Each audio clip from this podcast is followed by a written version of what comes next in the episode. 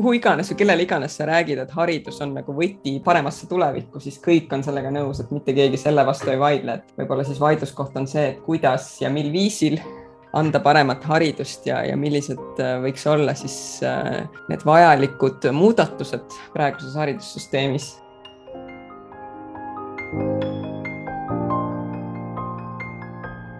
tervitused Tallinnast, minu nimi on Rainer Sternfeld ja te kuulate saatesarja Globaalsed eestlased, kus meie eesmärgiks on luua mälupilt sajast silmapaistvast Eesti inimesest üle maailma, üksteiselt õppida ning tuua meid teineteisele lähemale. on kolmas oktoober kahe tuhande kahekümne esimesel aastal ning mul on hea meel tutvustada meie tänast saatekülalist, kelleks on Eesti kultuuriantropoloog, ajakirjanik, haridusinnovaator ning sotsiaalne ettevõtja Ede Shank Tamkivi. Ede ei ole ei rohkem ega vähem kui superinimene, kes lisaks nelja lapse emale on mitme projekti eestvedaja kui kaasasutaja. ta on nii Vabamu noorteprogrammi juht kui MTÜ Eesti kaks punkt null tegevjuht, mis siis korraldab noorte suvekoole Hüppelaud. Ede oli kahe tuhandenda kahekümnendal aastal Sõnause projektijuht mis keskendus uudis digisõnade korjele ning kuhu laekus üle nelja tuhande sõna, millest me kindlasti täna ka räägime. ja lisaks kõigele sellele on Ede ka uudse programmeerimiskooli Kood Jõhvi kaasasutaja, mis avas oma uksed kolm nädalat tagasi. kohtusime Edega esmakordselt kahe tuhande kaheteistkümnendal aastal, kui me elasime Californias ja oma kogemusest äh, läänerannikul äh, kirjutas Ede raamatu Minu California ning varasemalt on Ede elanud ka Singapuris ja Londonis. selle pika sissejuhatuse lõpetuseks üks kirss tordil veel, et ta oma magistritöö kirjutas Ede meie saatesarjaga ühilduval teemal, uurides üleilmsete eestlaste rahvuslikku tunnetust nii-öelda kaugsuhtes. Nii et ma ei oskaks tahta paremat saatekülalist meie saatesarja taaselustamiseks kui, kui Ede. nii et tere tulemast saatesse, Ede. tere ja aitäh kutsumast, suur au ja rõõm ma olen seda saate tegemist sinuga üsna kaua oodanud ja mitmete erinevate katsete ja nurjunud katsete järel nüüd mul on hästi hea meel, et me siin oleme. ma alustaks täiesti algusest, et Rapla, väike puustlinn, kust sa pärit oled ja kus sa kasvasid eh, kaheksakümnendatel ja üheksakümnendate alguses, et kirjelda palun oma elu olustikku, milline oli Rapla, milline sinu lapsepõlv? ja tõesti, mu lapsed olid väga rõõmsad, kui, kui see laul välja tuli, et väike puust linn ja Rapla oli vist seal esimesena selles loetelus, et, et selles mõttes tõesti me tuleme sinuga ju täiesti äh, samasugusest taustast, et sina kui Saue poiss ja mina kui Rapla tüdruk, et need linnad tõesti on väga sarnased ja tuleb ju täpsustada veel, et Rapla ei olnud isegi mitte linn, kui mina sündisin siis ta oli veel alev, üks vist kolmekümne kolmest alevist Eestis. aga kuidas oli kasvada Raplas, ma arvan, et suurepärane oli kasvada, et äh, teatud mõttes ma isegi kadestan äh, seda oma nõukogude, helget nõukogude lapsepõlve, et, et milline muretu äh, kasvamine meil oli, et tõenäoliselt sulle tuleb ka tuttav ette see, kui, kui sai paneelmajade vahelisel äh, Ähm, jalgpalliplatsil uisutatud hiliste õhtutundideni ja kuskilt aknast keegi hüüdis sööma ja siis kõik lapsed hüppasid oma karupükstes püsti. et keda nüüd kutsuti. Et ta oli jah, kuidagi nagu muretu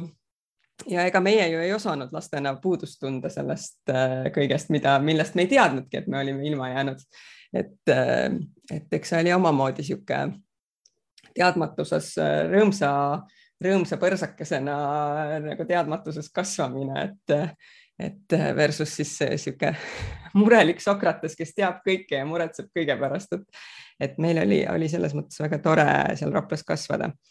ja tegelikult ma kolisin ära Raplast juba üheteistaastaselt. minu vanemad hakkasid täpselt samal aastal, kui ma sündisin, hakati maja ehitama Hagudisse, mis asub Raplast Tallinna poole kümme kilomeetrit Äh, millest ma mäletan omakorda seda, et kõik õhtud sõideti, pandi sapikale hääled sisse ja kihutati ehitusobjektile. Äh, kõigepealt esimesed neli aastat me saime seal augus ujutada lehtedest ja, ja puutükkidest ehitatud paate ja see oli just naljakas, kui me eile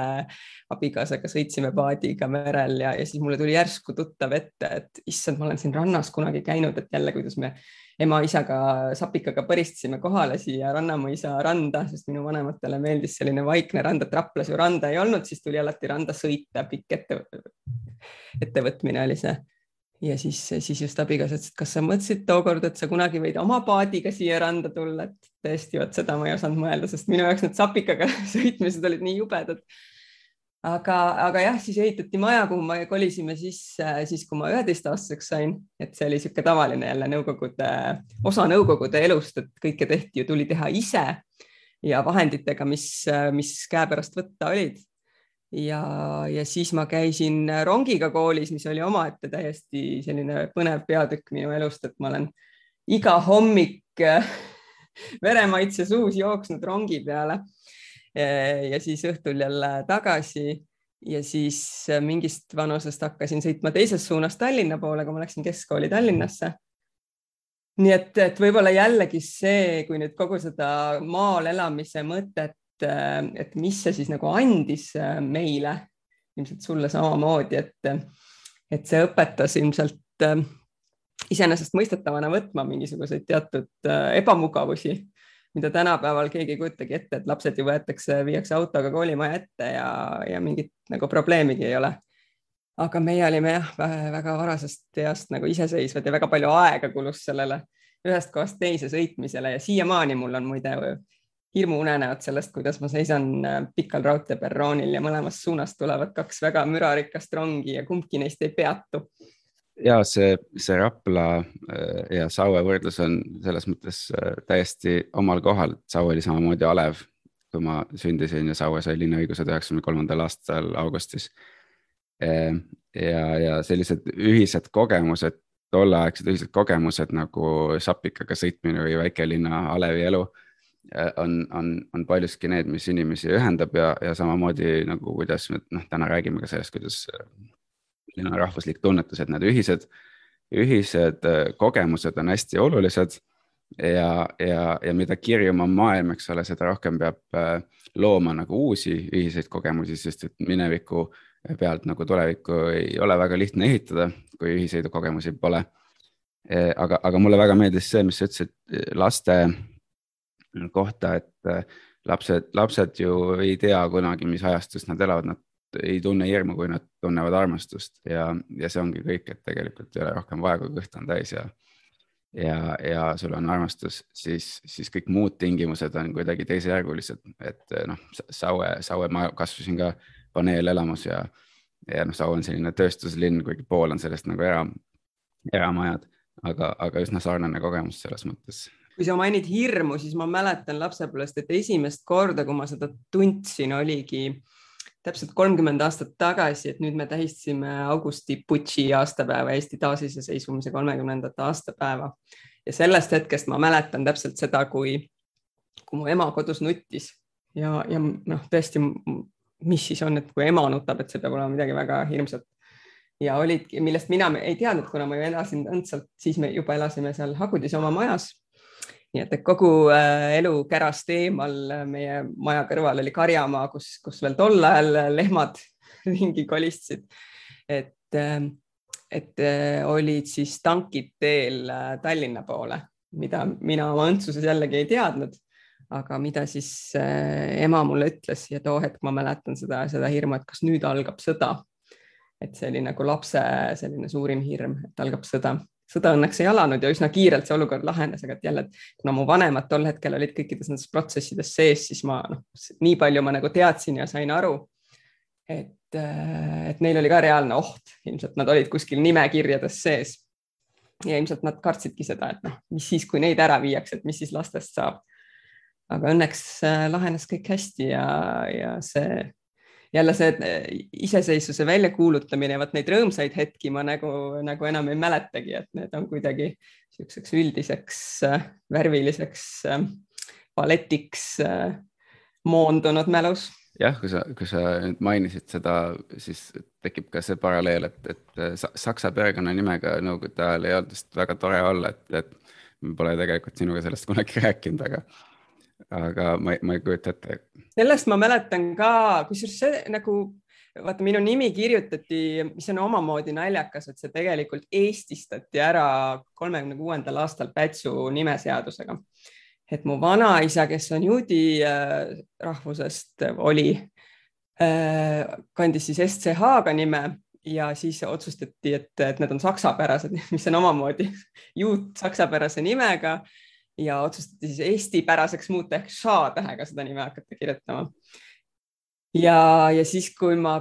ma ei mäleta, mis aastal see oli, siis igatahes enne veel, kui me abiellusime õega, otsustasime oma vanaisa nime taastada ja läksin mina Tartu perekonnaseisuametisse näpus siis vanaisa sünnitunnistuse, siis see nime muutmistunnistuse, seal üks äh, üks ametnik üritas kangesti mind veenda, et see ei ole, et kas te ikka tahate sellist koledat saksa nime, võtke siis juba midagi ilusat eesti pärast nagu sirel või elevant. et ähm, see, see on huvitav, et sellised valikud mulle küll pähe ei tulnud, et jääme ikka selle vanaisa nime juurde. ja sellepärast ka siis pärast abiellumist ma otsustasin selle nime alles jätta, kuna, kuna see nimi enam kuskilt Eestis edasi ei lähe, nii et see on nagu haruldane ja, ja minu meelest ilus nimi aga ei, hädad pigem olid, ma ei mäleta selle saksa nime pärast mingit probleemi, aga pigem hakkaski, probleemid algasid siis, kui sai hakata reisima, et see ša täht osutus igal pool probleemiks ja ükskord mind konkreetselt jäeti ka lennukist maha, kuna seda kirjutati enamasti lennupiletitel dank. ja, ja see ei ühildunud, et kuigi vist võib olla paaritäheline erinevus, aga tookord jah. Ja siis tundus, et see SCH-ga on nagu kuidagi rahvusvaheliselt kindlam versioon see ol olmeprobleemide teema Shadow'ga on veel eraldi teema, et, äh, et ma, meil täpselt sama lugu, kui, kui Nõukogude aeg lõppes ja tekkisid äh, Eesti, Eesti uued dokumendid, siis meie perekonnanimi kirjutati ka Ša tähega, kuigi saksa keeles ST lihtsalt hääldatakse Sternfeld. et äh, et siis ma mäletan seika, kus ma ülikooli ajal hoidsin seda alles, aga siis ma muutsin selle enne abiellumist ära ja ma mäletan, kuidas terve semestri hinded olid kadunud sellepärast, et keegi kirjutas arvutussüsteemis, üritas shot kirjutada, aga ta oli mingis teises süsteemis niimoodi, et ta eh, välja tuli hoopis selle ristküliku või kastina ei olnudki olemas ja siis ma seal dekanaadis istusin arvuti taga ja otsisin ja lõpuks leidsin oma oma faili üles. et, et päästsin oma hinded. No vot ja tõesti, et ma pigem jah, kui sa küsid nime pärast norimist, siis äh, eesnimi oli see, mis kõigile ette jäi, sest see ju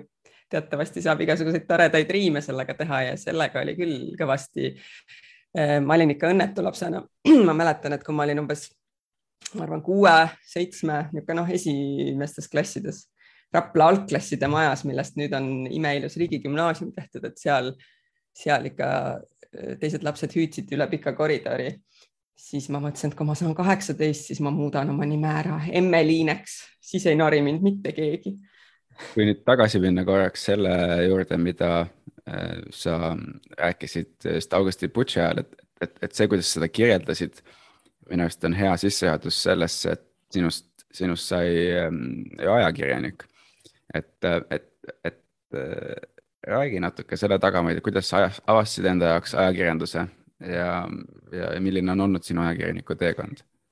See on ju huvitav küsimus, et tänapäeval võib ju küsida ja ma ise ka ilmselt küsiksin noorte käest, kes tahavad minna ajakirjanikuks õppima, et miks te seda tahate teha ja, ja noh, kogu see ajakirjandusmaastik on loomulikult nii palju muutunud ja seesama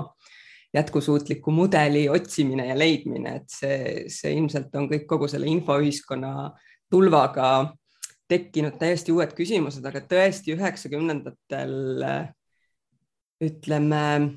ja jällegi mul ju ema on ajakirjanik Äh, elukutselt äh, ja töötanud äh, aastakümneid ajakirjanikuna, et ilmselt jälle omamoodi see vanemate eeskuju, mida sa teismelisena ju endale ei teadvusta, vaid vastupidi, sa üritad selle vastu võidelda. isa oli mul õpetaja ja, ja koolijuht ja samuti ma mõtlesin, et noh, kaks ametit, mis ma enda jaoks välistasin, olid ajakirjanik ja õpetaja. ja, ja kõik mu hilisemad tegemised on just nimelt nende asjadega seotud olnud aga, aga see kuidagi tundus ilmselt tol ajal sellest, kuna see ühiskondlik muutus oli nii kiire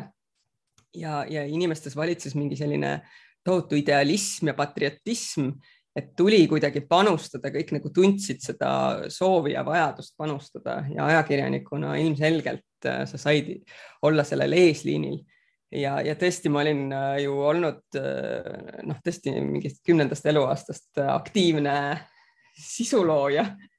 et äh, noh, alates ei kuuenda, kuueaastaselt avaldasin esimese luuletuse Tähekeses, mis õnneks ka mu viimaseks luuletuseks jäi. aga, aga siis sädemes ja, ja siis juba luubis ja, ja nii-öelda keerukamates väljaannetes ja ka kaastööd äh, välis välismeediale, et minu kassil näiteks oli kirjasõber Soomes ja, ja siis nad kirjutasid üksteisele ja siis äh, kuskil Soome ajalehes ilmus minu kassi kirjutis ja, ja nii edasi, et, et see ja ma võitsin mitu joonistusvõistlust, ma mäletan, et ma sain auhinnareisi Leetu tänu sellele, et ma joonistasin äh, Leedu. Äh, et kuivõrd jah, Leedus siis see iseseisvumine ei läinud nii, äh, nii pehmelt kui Eestis, et, et seal olid ju, oli päris palju inimohvreid ka ja ma mäletan, et ma joonistasingi selle ainelise väga sotsrealistliku pildi, kus kellegi jalad paistsid tanki alt ja see hinnati siis esikoha vääriliseks ja ma sain äh, auhinnareisi Klaipedas, ei äh, Kaunasesse, Kaunases ikka käisin Kaunase kunstihoones. et kõik see oli kuidagi, et need noh, sa olid ise seal muutuste keskmes ja see tundus nii iseenesestmõistetav ja, ja koolilehte sai tehtud nii Raplas kui, kui hiljem äh, Inglise kolledžis, et, et see tundus nii iseenesestmõistetav, et ma kuueteistaastaselt läksin siis tõesti ema juurde tööle Sõnumilehte uudistetoimetajaks ja, ja kui oli aeg ülikooli astuda, siis äh, kuigi ma tahtsin minna semiootikat õppima, siis ma panin kindla peale ajakirjanduse esimeseks valikuks ja, ja tookord Tartu Ülikoolis oli selline reegel, et esimes, kui sa said mõlemasse sisse, siis sa pidid esimesse valikusse minema, nii et siis, siis see ajakirjaniku tee saigi minu jaoks nagu kuidagi määratuks aga jah, et see hiljem tõesti, et ma olin, ma mäletan igal pool alati kõige noorem. Äh,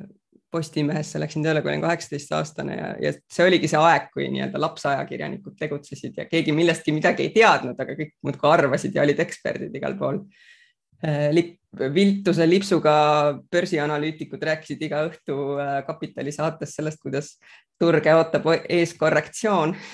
ja, ja tundus, et noh, see ongi nagu, me ehitame siin uut riiki ja kõik olid niisugust elevust täis. et see oligi nagu täiesti normaalne, et ja, ja tagantjärele vaadates ma arvan, et noh, ega teisiti ei olekski saanud, on ju, et konservatiivsemad või alalhoidlikumad vanemad inimesed võib-olla ei oleks olnud nii julged ja pealehakkajad ja noh, Mart Laari valitsuse kohta on seda küll ja veel räägitud, on ju, et et muudes valdkondades ju täpselt samamoodi see toimis, et ja siis tõesti umbes kahekümne viiendaks eluaastaks olin ma täiesti läbi sellest, et, et ajakirjandus ikkagi on äh, ala, mis sööb inimest äh, seestpoolt ja väljastpoolt. et olla kogu aeg nagu seal sündmuste keskmes ja kogu aeg endast nagu kõik välja pigistada ja samas jääda kogu aeg hästi pinnapealseks, et see on väga väsitav. ma tahtsin just öelda ka, et äh, see oli igas valdkonnas nii, kõik olid laps eksperdid nimetada, nimetada valdkond, eks ole, see, see oli nii lihtsalt sellepärast, et ähm, meil puudusid äh, inimesed, kes oleksid äh, vabas läänemaailmas kogenud. ja, ja kõiki riiklikke funktsioone oli vaja täita. ja iga Eesti inimene teab, et tal on nagu seitse ametit, et istume korraga mitmel toolil, sest meil on lihtsalt nii vähe inimesi. aga see on huvitav, äh, kui sa ütlesid, et kahekümne viiendaks eluaastaks sa olid juba kõik selle läbi kogenud samas sa oled äh, vahelduva eduga erinevaid ajakirjanduslikke projekte vabakutselise ajakirjanikuna teinud. et mis sind jätkuvalt ajakirjanduse juures paelub? no see ongi ikkagi teatud mõttes niisugune idealism ja võib-olla niisugune papa Jansenlik soov äh, inimesi harida, silmaringi avardada, et ma, ma ikkagi väga äh, pooldan sellist ja noh, jälle ma arvan, ei ole ju ajakirjanikku, kes ei tahaks teha head uurivat ajakirjandust, ma usun, et kõik need, kes, kes peavad online meedias tegema neid klikiuudiseid, ega nad ise õnnelikud selle üle ei ole, et nad lihtsalt nii-öelda teevad oma tööd. Ja ma mäletan, et see oli ka aeg, kus ma Postimehes pidin, meil kuulutatigi välja see, et lisaks paberilehte uudiste tootmisele pidid kõik panustama kui ilmus online versioon lehest, et, et toimus sisemine konkurss, et kes kirjutab rohkem uudiseid keegi ei mõõtnud nende uudiste nagu kvaliteeti või kuidas üldse mõõdad seda kvaliteeti, siis ma mäletan, et anti välja iga nädal šokolaadimedal sellele, kes oli enim online uudiseid tootnud. et noh, see näitas seda nagu mentaliteeti, et kuhu suunas see asi arenes ja, ja see tundus nagu, et, et seda ei ole vaja ja too, et kui ma siis Ekspressi üle läksin, siis see oli selline õnnistus, et sul oli nädal aega aega kolme loo kallal töötada, et see tundus väga eksklusiivne luksuslik võimalus aga noh, jälle vaadates, kuidas, kuidas näiteks Suurbritannias või USA-s töötavad uh, uurivad toimetused, et esiteks on seal suur tiim ja siis uh, ühe loo kirjutamine kindlasti on nagu pikemaajaline protsess. Ja see ja vot see on see protsess, mida ma naudin, et tõesti ja ma arvan, et seesama niisugune ajakirjanduslik uh, nina on mul ju jätkuvalt alles, et, et see ei ole kuhugi kadunud ja aeg-ajalt ma ennast lausa pean tagasi suruma, et et kui ma kuskile satun mingi inimesega vestlema, siis mul tekib kohe see, et oh, siit saaks ägeda loo. et siis, et, et ei, ma ei ole ju enam ajakirjanik, et ma ei pea niimoodi mõtlema, aga et mis ei tähenda seda, et see äge lugu ei võiks sündida, sest et nüüd on neid võimalusi nii palju, et kirjuta kuhu tahes, pane see lugu ise kuskile üles, et, et platvorme on nii palju ja mis, mis mind tõesti nagu kõnetaks ja mis mul tegelikult kogu aeg kripeldab kuskil sees on, on niisugune hea andmeajakirjandus, hästi visualiseeritud äh, äh, suuri andmemassiive eelnevalt läbi töötanud ajakirjandus, et vot see on see, mida ma ise naudin, mille lugemist ma naudin ja mida ma ise, millesse ma tahaks veel elus panustada, et, et ma loodan, et neid võimalusi tekib või, või tuleb neid ise tekitada. jah, andmeajakirjandus on ju, ju nii-öelda läbi tegemas äh, sellist äh, su suurt äh, muudatust, kus, kus inimesed, kes ei ole ise võib-olla programmeerimise või ütleme, statistilise analüüsi taustaga, on võimelised äh, uute tööriistadega äh, üsna hõlpsasti analüüsi tegema. nii et see muutub kättesaadavaks kõikidele, et sa pead lihtsalt oskama küsida ja, ja olema uudishimulik ja püüdma leida seda no just see, vaadates näiteks, mida Salk teeb praegu, et millised andmed neil käes on ja kuidas nad visualiseerivad neid. et vot, kui Tarmo Jüristo mulle ükskord näitas oma neid andmekogumeid ja visualiseeringuid, et, et vot siis tekkis täpselt see, et oh, vot siit saaks, vot siit saaks kokku panna niisuguse üliägeda ja noh, juba, juba näiteks Levilaga koostöös ju, ju need asjad toimivadki, et ju niisugused vanad meediamajad teevad seda ka ja, ja ilmselt äh, teistes riikides oluliselt edukamalt kui Eestis, arvestades publiku suurust ja, ja maksejõulisust, et, et meil ikkagi käib see asi väga vaevaliselt, aga et noh, vaikselt arenetakse selles suunas, aga et see, see on ikka väga-väga aeglane, see protsess ja ja loomulikult jah, see turu väiksus ja, ja reklaamimahtude kokkukuivamine ja kõik need teemad, et et ma loodan, et, et selles valdkonnas ikkagi tekivad mingisugused uued äh, maksemudelid ja, ja ma ikkagi ise usun väga sellesse, et äh, olles ise selline pikkade tekstide ja, ja, ja hästi visualiseeritud materjalide fänn, et, äh, et tekib, äh, tekib ikkagi ütleme, tekivad need platvormid, kus, kus sellist asja saab lugeda ja, ja see publik ei kao ära, et, et ma ei usu sellesse, et inimesed kõik nõuavad ainult üheminutilisi videoid ja, ja see ongi kõik, kuhu me suudame oma tähelepanu äh, keskenduda. üks asi, mis äh, mulle sinu juures väga meeldib, on see, et sul on selline ajakirjanikule omane kriitiline mõtlemine ja ergas äh, kiire mõttetöö, aga samal ajal sa oled hästi empaatiline inimese suhtes, kellega sa suhtled või selle valdkonna või selle teema suhtes, mida sa uurid, et üks küsimus, mis mul oleks, olekski, et ajakirjandus ja empaatia, et kas see on võimalik äh, tänapäeva, ütleme maailmas või on see pigem utoopia? no eks ma olen ise küll ja veel kogenud seda, et inimesed ah,, sa oled ju ajakirjanik, järelikult sa oled ju, mõtle ise sinna mingi sõna onju et eh, loll ja pealiskaudne ja, ja pahatahtlik ja, ja olen olnud õhtusöökidel nagu enda meelest heade tuttavatega, kes ühel hetkel hüüatavad oh,, sa oled ju ajakirjanik, siis ma ei räägi enam mitte midagi. et sul kindlasti diktofon põues eh, töötab kogu aeg mina usun küll sellesse, et kindlasti kõige paremad ajakirjanikud ikkagi ongi väga-väga empaatilised ja, ja see on ka täpselt see koht ja miks ma ise ilmselt ühel hetkel läksin üle hoopiski antropoloogiasse, kuigi ma leian, et ajakirjandusel, antropoloogial on väga palju kattuvusi. kuigi jälle teistpidi, et antropoloogia kindlasti, antropoloogid üldiselt peavad ennast kindlasti nagu kõrgemal olevaks või kuidagi teaduslikumaks ja ajakirjandus on ju mingi sihuke pseudoteadus. et võib-olla ongi jah, et, et jälle teistpidi, et kui sa oled liiga empaatiline, siis, siis jälle nagu ma enne ütlesin, et kuna see ajakirjandus on nii, nii karm ala, et, et sa lihtsalt ei pea seal vastu, et ma kujutan ette, et võib-olla arstidega näiteks on sama lugu, et kui sa võtad selle kõik endale südamesse, mis sa seal iga päev näed ja kuidas inimesed su käest surevad, et siis, äh, siis ongi väga raske seal valdkonnas töötada, et sa pead iseennast kuidagi nagu ehitama endale selle karmi kihi ümber ja mitte laskma sellele enda sisse jõuda, et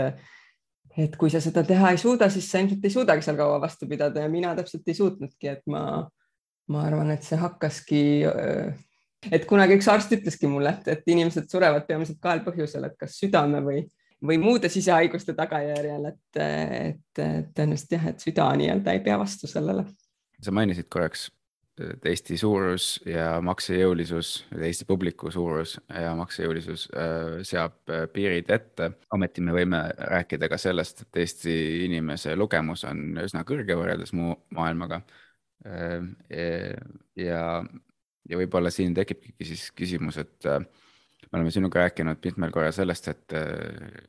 ütleme äh, Ameerika ajakirjanduse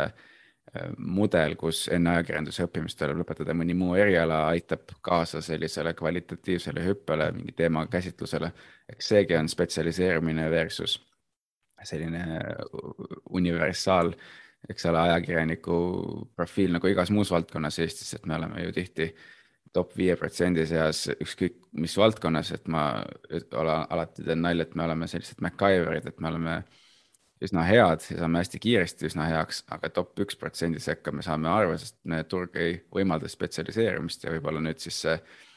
ütleme, uus majandus ja tehnoloogiamaailm on võimaldanud Eesti inimestel siis jõuda top üks protsendi sekka oma valdkonnas, kuna turg on kogu maailm milline on siis äh, ütleme, selline ideaalne ajakirjanduse, ajakirjanikuks saamise mudel ja võib-olla nagu millised on siis head näited heast ajakirjandusest? Ma olen väga nõus sellega, et see USA mudel, kus sa õpid ja noh, tegelikult mingil määral ju meil ka Tartu Ülikooli sotsiaalteaduskonnas seda ka viljeleti, et sa pidid pidid just nagu võtma ära mingid sotsiaalteaduste põhiained nagu psühholoogia, sotsioloogia, politoloogia sissejuhatused Äh, semiootika, et siis äh, ja siis hakkama nii-öelda kommunikatsiooniteooria ja siis puhas käsitööoskus nagu uudise kirjutamine ja, ja muud žanrid. aga, aga lõppeks ma arvan, et, et ikkagi tegelikult peakski õppima nii-öelda laia profiiliga või tegemagi nagu bakalaureuse tasemel õppima kõike, avardama silmaringi ja seejärel spetsialiseeruma ja, ja ma arvan, et see ajakirjanikuks äh, saamine tegelikult nagu ka näiteks programmeerijaks saamine lõpuks ikkagi toimub sul ju tööpostil. et seda ei olegi nagu teatud mõttes võimalik akadeemiliselt õppida, et see ongi nii praktiline, et ta peakski olema kas, kas puhtalt siis mingisuguse rakendushariduse vormis või siis juba täiesti noh, tõesti niimoodi praktikandina lähed, kuigi ka ajakirjanduses, vähemalt Tartus oli see nii, et sa pidid juba esimesel aastal tegema maakonnalehe praktika ja seejärel võisid siis minna, mis, mis tahes valdkond siis huvitas, teleraadio või, või siis trükimeedia ja siis nii-öelda rahvu, üleriiklikesse kanalitesse tööle, et et sa saad selle, jälle see on, ma arvan, teatud mõttes nagu silmi avav või nagu samamoodi ma arvan, et, et noored peaksid omandama kogemus, mis tahes äh, valdkond sind tegelikult huvitab, aga et sa peaksid esimeses järgus omandama kogemuse teenindussektoris, kõige lihtsamat tööd a la ettekandja restoranis, see lihtsalt õpetab sind äh,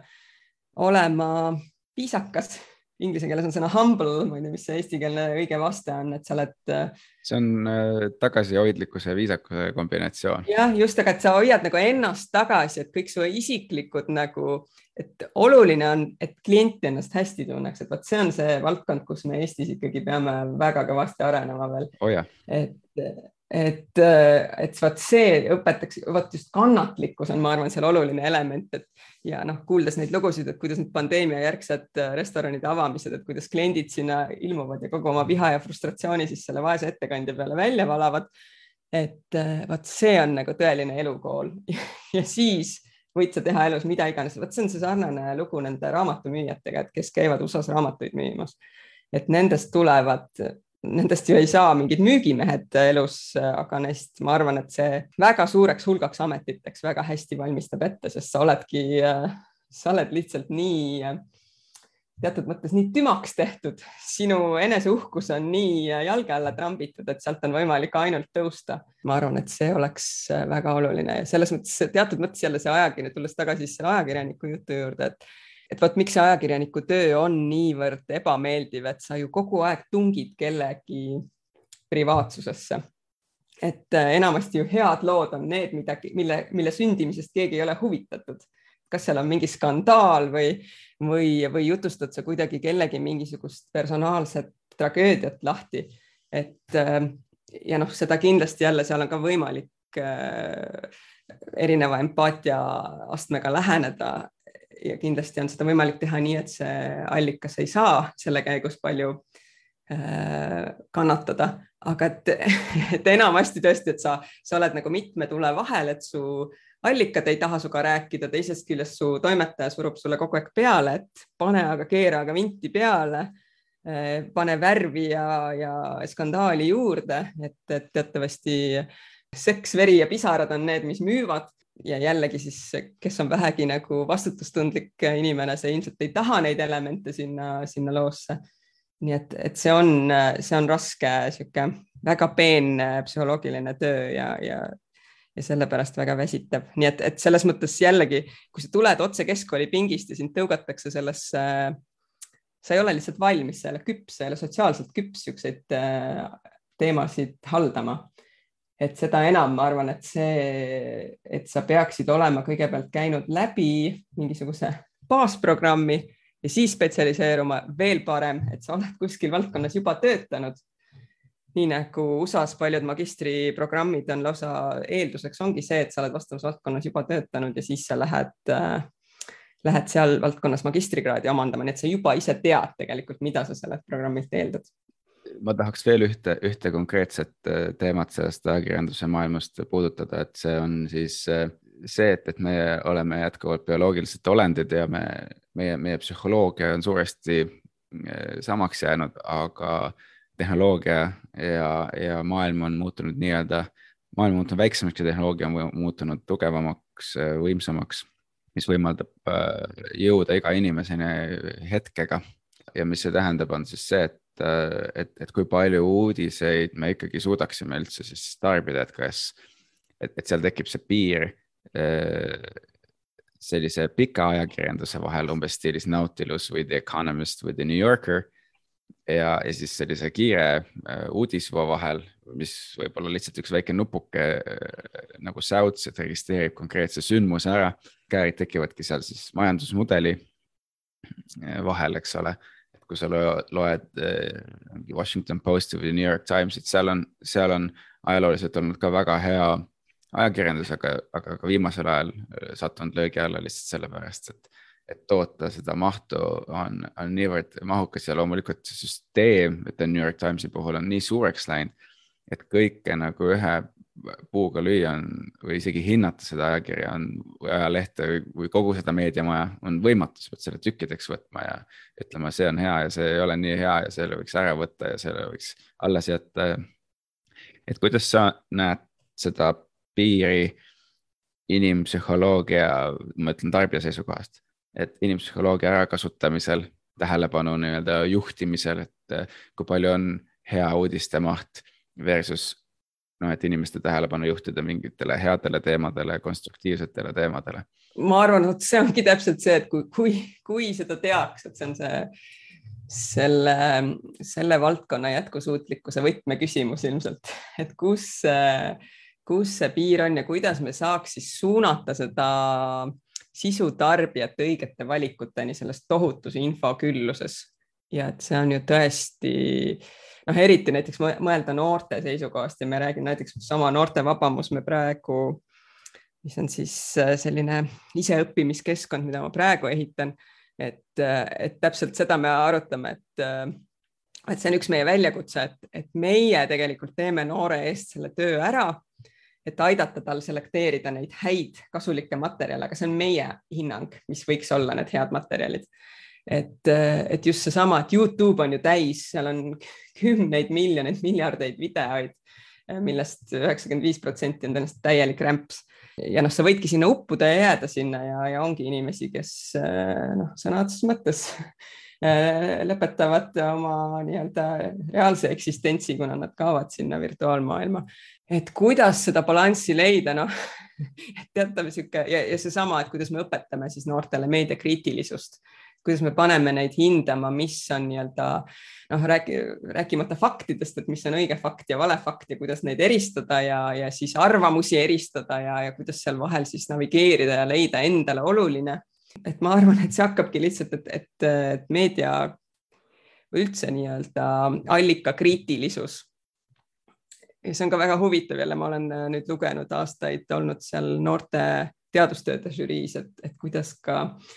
kuidas ka koolides meil jätkuvalt õpetatakse seda, et äh, noh, Google on nagu allikas. noh, see peabki lihtsalt maast madalast algama, et ega teistmoodi ei saa ja noh, seesama tõdemus, et, et ikkagi haridus, haridus, haridus, silmaringi laiendamine, et ega, ega, ega muul viisil me sinna ei jõuagi, et et muidu me jõuamegi selleni, et aga miks ma pean neid arste kuulama, kui ma saan ise guugeldada ja, ja ma ju mõtlen oma peaga ja, ja teen ise ju neid valikuid, aga et teised inimesed on siiski nagu aastaid, kui mitte aastakümneid õppinud, vastavat, vastavas valdkonnas spetsialiseerunud ja tõenäoliselt nemad siiski on eksperdid selles valdkonnas, et, et, et kuidas jälle, et see ongi vaat interneti, Jürgen Habermas on seda ka öelnud, et kuidas see arvamuse demokratiseerumine on toonud kaasa siis selle et igaüks saab olla ekspert. et mis on selle head ja vead, et, et loomulikult kõik, mis toob kaasa positiivseid külgi, toob, toob ka negatiivseid külgi, et, et lihtsalt siis tuleb, tuleb suuta neid eristada, aga, aga ega seal ei ole mingit lihtsat retsepti kahjuks. et see ongi aastatepikkune töö. see tehnoloogia äh, pool on veel, veel eraldi huvitav teema, et Äh, nii noh, Facebook, Twitter, noh Google, äh, need on muutunud ise platvormideks ja üldse on väga lihtne olla ähm, mingisuguse meediatootja nagu kasvõi meie ise, seesama saade, saatesari siin, kuigi me ei pea ennast üldse ajakirjanduslikuks projektiks, pigem kultuuriantropoloogiliseks või mingisugune ajaloo kogumik ähm,, mälu, mälukogumik platvormid nagu Facebook, mille algoritmid on võimelised, eks ole, demokraatiaid lõhkuma ja eetilisuse piire kompama ja julmalt üle astuma. ka, et see võib-olla sinna nagu sügavuti ei tahagi minna, vaid pigem sellest ka, et, et tarbijad, sisutarbijad või lugejate harimine selles kontekstis, et, et see umbes nagu suhkur või, või mingi muu sõltuvust nagu suitsetamine et ähm, nagu Mark Benioff kuulsasti ütles, äh, Salesforce'i asutajajuht, et, et, et Facebook on nagu uus suitsetamine. et, et me peame teadlikult seda õpetama, peab teadlikult aru saama, et sind juhitakse täpselt sinu enda kõige, et sinu nõrkuseid, sinu psühholoogilisi, inimlikke nõrkusi kasutatakse ära ja sa pead suutma olema väga teadlik, äh, eneseteadlik sellest, mismoodi sa seda tarbid ja, ja, ja see, see paneb ka nagu olemasolevad majandusmudelid meedias nagu löögi alla, mistõttu tekib veel rohkem rämpsu. ja siis äh, ongi nagu, et kust tuleb see parem käitumine, eks ole, et see lõpuks ongi see, et, et me õpetame, nii nagu me õpetame noori koolis õppima ja kirjutama ja programmeerima, et täpselt samamoodi tuleb õpetada neid äh, toituma ja meediat tarbima või kriitiliselt mõtlema no just täpselt, et see on, on see klassika, noh, et sõltlasele, et väga lihtne on öelda ju, et võta ennast kokku ole nüüd tugev, saa sellest üle või noh, ütled depressioonis inimesele, et mis, mis sa siin hädaldad, võta ennast kokku ja naeratus näole ja marsi edasi. et, et kahjuks ei ole nii lihtne jah, et ja noh, tõesti, et, et see toimib sageli ikkagi kõige madalamatel instinktidel ja kui selle asemel, et pakkuda keerulisi ja küsimusi lisaks tekitavaid tekste, äh, mingeid väga lihtsaid, pealtnäha väga lihtsaid lahendusi, lihtsaid seletusi lihtsate sõnadega, mis äh, mis annavad sulle noh, just, et, et kui sul on mingitel teemadel küsimused ja sa ei saa millestki aru ja siis on väga lihtne seletus ja lisaks sellele veel võib-olla su isiklikud nõrkused äh, pannakse kellegi teise süüks, et siis on ju väga mugav selle kõigega, selle vooga kaasa minna ja sinna nagu kinni jääda. ja, ja tõenäoliselt see toimibki, ma ei tea, ma ei ole ise kunagi suitsetanud, et, et et aga noh, noh näiteks veini joomisest ma oskan tuua võrdluse, et nii mõnus on ju võtta õhtul see klaasike veini, et, et siis korraks tunned sa ennast siukse, tuleb mõnus surin sisse ja kõik mured nagu kaovad ära ja, ja sihuke pinge langeb. aga hommikul on jube nagu paha olla. et, et ma näen seda väga selgelt, et kus, kust selline sõltuvustsükkel võib pihta hakata ja, ja, ja jällegi siis, et, et öelda, et ole nüüd tugev, ei ole nagu, ei ole paraku töötav mudel kõigi puhul. just, et see, see tuletab meelde, et noh, me peame olema väga teadlikud ja ettevaatlikud ükskõik millist süsteemi disainime et olgu see riiklik mingi toetusmeede, olgu see riiklik maksusüsteem, olgu see uus tehnoloogia. üks mu lemmikumaid asju, mida ma kogu aeg äh, räägin ja võib-olla inimesi ära tüütan, see on see, et sama kunagise Briti futuroloogi ütles paarkümmend aastat tagasi, kui et, et kahekümnendal sajandil inimene õppis äh, leiutama, et me võime välja mõelda ükskõik mida juba, et kui me nagu paneme piisavalt ressurssi siis me võime seda välja, välja mõelda. aga me kunagi ei mõelnud nende tagajärgedele väga, et siis kahekümne esimese sajandi tunnussõna saab olema eh, noh, inglise keeles control ehk siis nagu juhtimine ja, ja teadlik nii-öelda noh, kontrollimine, et mida me siis ellu kutsume, et kas see on Pandora laegas või mitte. Et me suudame tehnoloogiaga simuleerida hästi paljusid asju ette ära, enne kui me selle ellu kutsume et, et vaatame, mis juhtub, on, on nagu üliäge leiutamises, aga sa pead alati teadlikult mõtlema, et, äkki me saaks seda hoopis simuleerida, mitte päriselt ellu kutsuda või mida see üldse tähendab. ja seesamane andmeajakirjandus või ükskõik mis, mis muu valdkond, andmepõhine lähenemine on, on üks viis neid asju nagu testida. No vot, aga siin ongi vot seesama näiteks seesama sotsiaalmeedia, et et no meil ei olegi neid andmeid, millele me saaks tugineda, et meil ei ole põlvkonda, kes oleks selle läbi teinud ja jõudnud nii-öelda eduka lõpuni ja, ja öelnud, et oh, meie peal see töötas või meie fail isime täielikult ja näed, me oleme nii-öelda kadunud põlvkond selle tõttu, et me kasutasime sotsiaalmeediat. et, et selles mõttes ta ikkagi teatud määral jääbki eksperimendiks, et ja siin me ei saa kutsuda appi, noh, mitte üheski valdkonnas ei ole teadlasi, kes, kes teaks, millised need mõjud tegelikult on ja, ja noh, seesama, et, et me saame siin täiskasvanutena targutada, et, et näed, laste ekraaniaega peaks piirama ja et see on silmale kahjulik ja ajule kahjulik ja keskendumisvõime ja kõik muud. aga tegelikult me ju ei tea ja täpselt seesama, et ühest küljest tehnoloogia areneb nii kiiresti Äh, noh, näiteks hea näide ka nende äh, elektriautode akudega, et noh, et, et, äh, et kahtlejad kogu aeg saavad kõrvalt öelda, et aga nad ei ole ju üldsegi keskkonnasäästlikumad, sest nende akude utiliseerimine on ju väga kahjulik. see on nii praegu, aga kümne aasta pärast on see kindlasti juba muutunud. et, et selles mõttes ma, ma ka pigem oleks äh, oleks, hoiaks siinkohal nagu sellist positiivset hoiakut, et, et ma loodan, et me inimkonnaga ikkagi areneme selles positiivses suunas ja, ja õpime ise nii-öelda töö käigus ja tehtud vigadest ja, ja jõuame sinna ikkagi mingisuguste positiivsete lahendusteni ka, aga tõesti, me peame tegema, oleme võimelised tegema järeldusi ja just, just siin ma usun ka sellesse, et, et tehnoloogid peavad üha rohkem kuulama ka teiste teadlaste mitte siis sõna, aga, aga nende ähm, arvamusi ja, ja sisendit võtma. tehnoloogia iseendas ei saa olla hea või halb, et see, kuidas inimesed seda kasutavad, teeb selle kas heaks või halvaks. väga hea, äh, et hüppamegi, teeme käiguvahetuse hüppamegi tehnoloogiasse. ja, ja tõepoolest äh, see on, see on esimene pandeemia, mitte järgne, aga,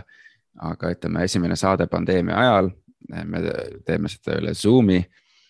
Ähm, ja, ja viimase pooleteist aasta jooksul pole ma ühtegi saadet salvestanud, võib-olla siis kaks aastat vist isegi peaaegu.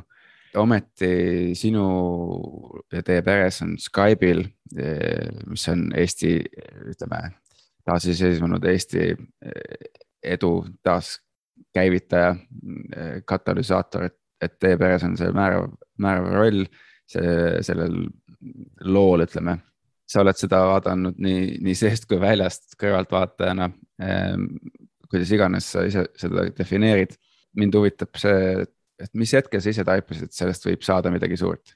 oh,? ma mäletan seda hetke väga täpselt, et selles mõttes see langes just äh, ju kokku ajaga, kui oligi just see hetk, kus mina olin sellest ajakirjaniku tööst väsinud ja, ja väga sujuvalt õnnestus mul siis äh, nii-öelda oma exit sellest äh, sektoris sel hetkel teha seeläbi, et, et meil perre sündis esimene laps. ja ma mäletan, et ma olin kodus ja Sten läks mingisugusele kohtumisele. kus ta siis tuli tagasi sihuke, ma ei tea, südaöösel või pärast südaööd kuskil ja ta oli tohutult elevil ja ütles, et, et nüüd meil läheb diiliks. et nad olid seda, tema oli vist liitunud äh, pool aastat varem juba siis selle Skype'i toonase Tallinnas tegutseva meeskonnaga ja, ja see oli noh, ehitati mingit tarkvara ja kuskil üle interneti sai helistada ja eks ta oli niisugune eksponentsiaalne kasv, aga need numbrid olid ikkagi suhteliselt pisikesed. Neid internetitelefone oli juba tolleks hetkeks turul küll ja, ja enamik neist olid jube keerulised ja enamik inimesi ei saanudki neid kunagi oma telefoni või arvutisse alla laetud, kuna see oli lihtsalt niivõrd käis, käis üle nende peade aga jah, tõenäoliselt, mis Skype äh, tegigi, oli see, et esiteks see oli nii lihtne ja teiseks siis, äh, et vot on mingid asjad, mis hakkavad lendama, võib-olla seal ei olegi mingit väga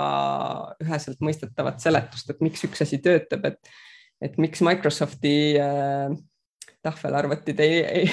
ei saavutanud edu ja siis tuli, tulid iPadid ja, ja inimesed hakkasid neid nõudma. kuidagi nagu mingi, mingi teema suudetakse kliendikeskselt ära lahendada, nii et, et kliendid tahavad kohe, kohe ja nüüd seda toodet kasutada. aga tõenäoliselt see oli see hetk jah, ja, ja, ja noh, meie peres tähendas see loomulikult siis seda, et äh, selleks, et äh, miljonid inimesed üle maailma saaks äh, suhelda nii, et nad saavad seda teha suurelt distantsilt, ilma teineteisega ühte ruumi kokku saamata, pidid need inimesed, kes seda toodet ehitasid läbima tuhandeid kilomeetreid, pidevalt reisima üle maailma ja, ja saama üksteisega näost näkku kokku, et seda, seda asja siis äh, parimal viisil lahendada. ja, ja meie jaoks siis tähendaski seda, et me hakkasime perega tohutult, noh, Sten reisis nagunii kogu aeg ma just üks päev leidsin mingisuguse vana kalendri, kus oli, ma vaatasin, et iga nädala peal oli vähemalt kaks. Sten äh, Luksemburgis, Sten Londonis äh, kaks korda nädalas siis või siis, kui oli USA reis, siis kestis see tavaliselt nädal või kaks. ja noh, mina siis istusin kodus ja kasvatasin lapsi, et, et suhteliselt väikse vahega äh, kaks last sündis meil selles vahemikus, aga et siis me ühtlasi, kuna ma nagunii olin kodus, et siis me otsustasime ka minna lastega palju kaasa temaga, et me olimegi siis Londonis ja Singapuris, Londonis kaks kevadet järjest ja, ja siis Singapuris ühe talve, et olime ka kliimapagulased siis mingil perioodil et seda jah, sai kõrvalt nähtud palju ja, ja just need, ma mäletan lõputud äh, autosõidud, mille ajal Sten tegi alati mingisuguseid kõnesid oma kolleegidega kus tahes maailma nurgas, et teatud mõttes me oleme nagu sellest nii läbi imbunud ja noh, selle kõrvalt muidugi see oli suur rõõm ju ise kasutada siis seda, seda toodet, et sai siis olles sealt Singapurist näiteks helistada vanavanematele ja aga et noh, teist, teisest küljest, mis ma arvan, mind juba tol hetkel nagu huvitas kõrvalt, oligi see niisugune omamoodi kultuuride vaheline konflikt, et näha, et kuidas see peamiselt siis Eestis arendatav toode oli juhitud kõikjalt mujalt maailmast. et jälle tuli mingi uus kiht mingisuguseid juhte kuskilt USA-st peale, kes hakkasid siis juurutama oma sellist suurkorporatsiooni kultuuri ja kuidas siis Eesti sellised vähese jutuga Eesti arendajad selle omaks võtsid, et, et see oli päris huvitav ja, ja omamoodi siis niisuguse äh, põneva hüppena, et, et nüüd äh, ma olen siis äh, meeskonnas, kes teeb Skype'ist dokumentaalfilmi, mis loodetavasti nüüd lõpuks ka valmis saab, et see on päris aastaid siin tegev, tegemises olnud, et, just äh, eestlastena salvestada see lugu mis on ikkagi meie ajaloos üks, üks olulisemaid ja eestlaste uhkust ilmselt väga palju upitanud viimase äh, nüüd siis juba viieteist aasta jooksul, et, et ma ei tea, palju Eestis veel neid inimesi on, kes Skype'i veel täna kasutavad, aga et, et Skype ima, et kõik, kõik sellised terminid, mis on ju saanud, millest on saanud äh, verb. selle taga peab olema mingisugune võimas asi ja, ja noh, rääkimata sellest, millise ökosüsteemi see Skype on Eestis äh, käivitanud, et, et kõik see tulevaste järgmiste ükssarvikute ja, ja äh, idufirmade laine, et see on ju puhtalt Skype'i teene, et siin ei ole mitte mingit küsimust ja, ja see, millise äh, nälja ta on noortes ettevõtlikes inimestes tekitanud, et, et ma arvan, et mitte ükski teine asi Eestis ei ole võrdväärset asja suutnud tekitada võrdväärset nagu lainet või mõju kaasa tuua. võib-olla topeltklikiks sellel teemal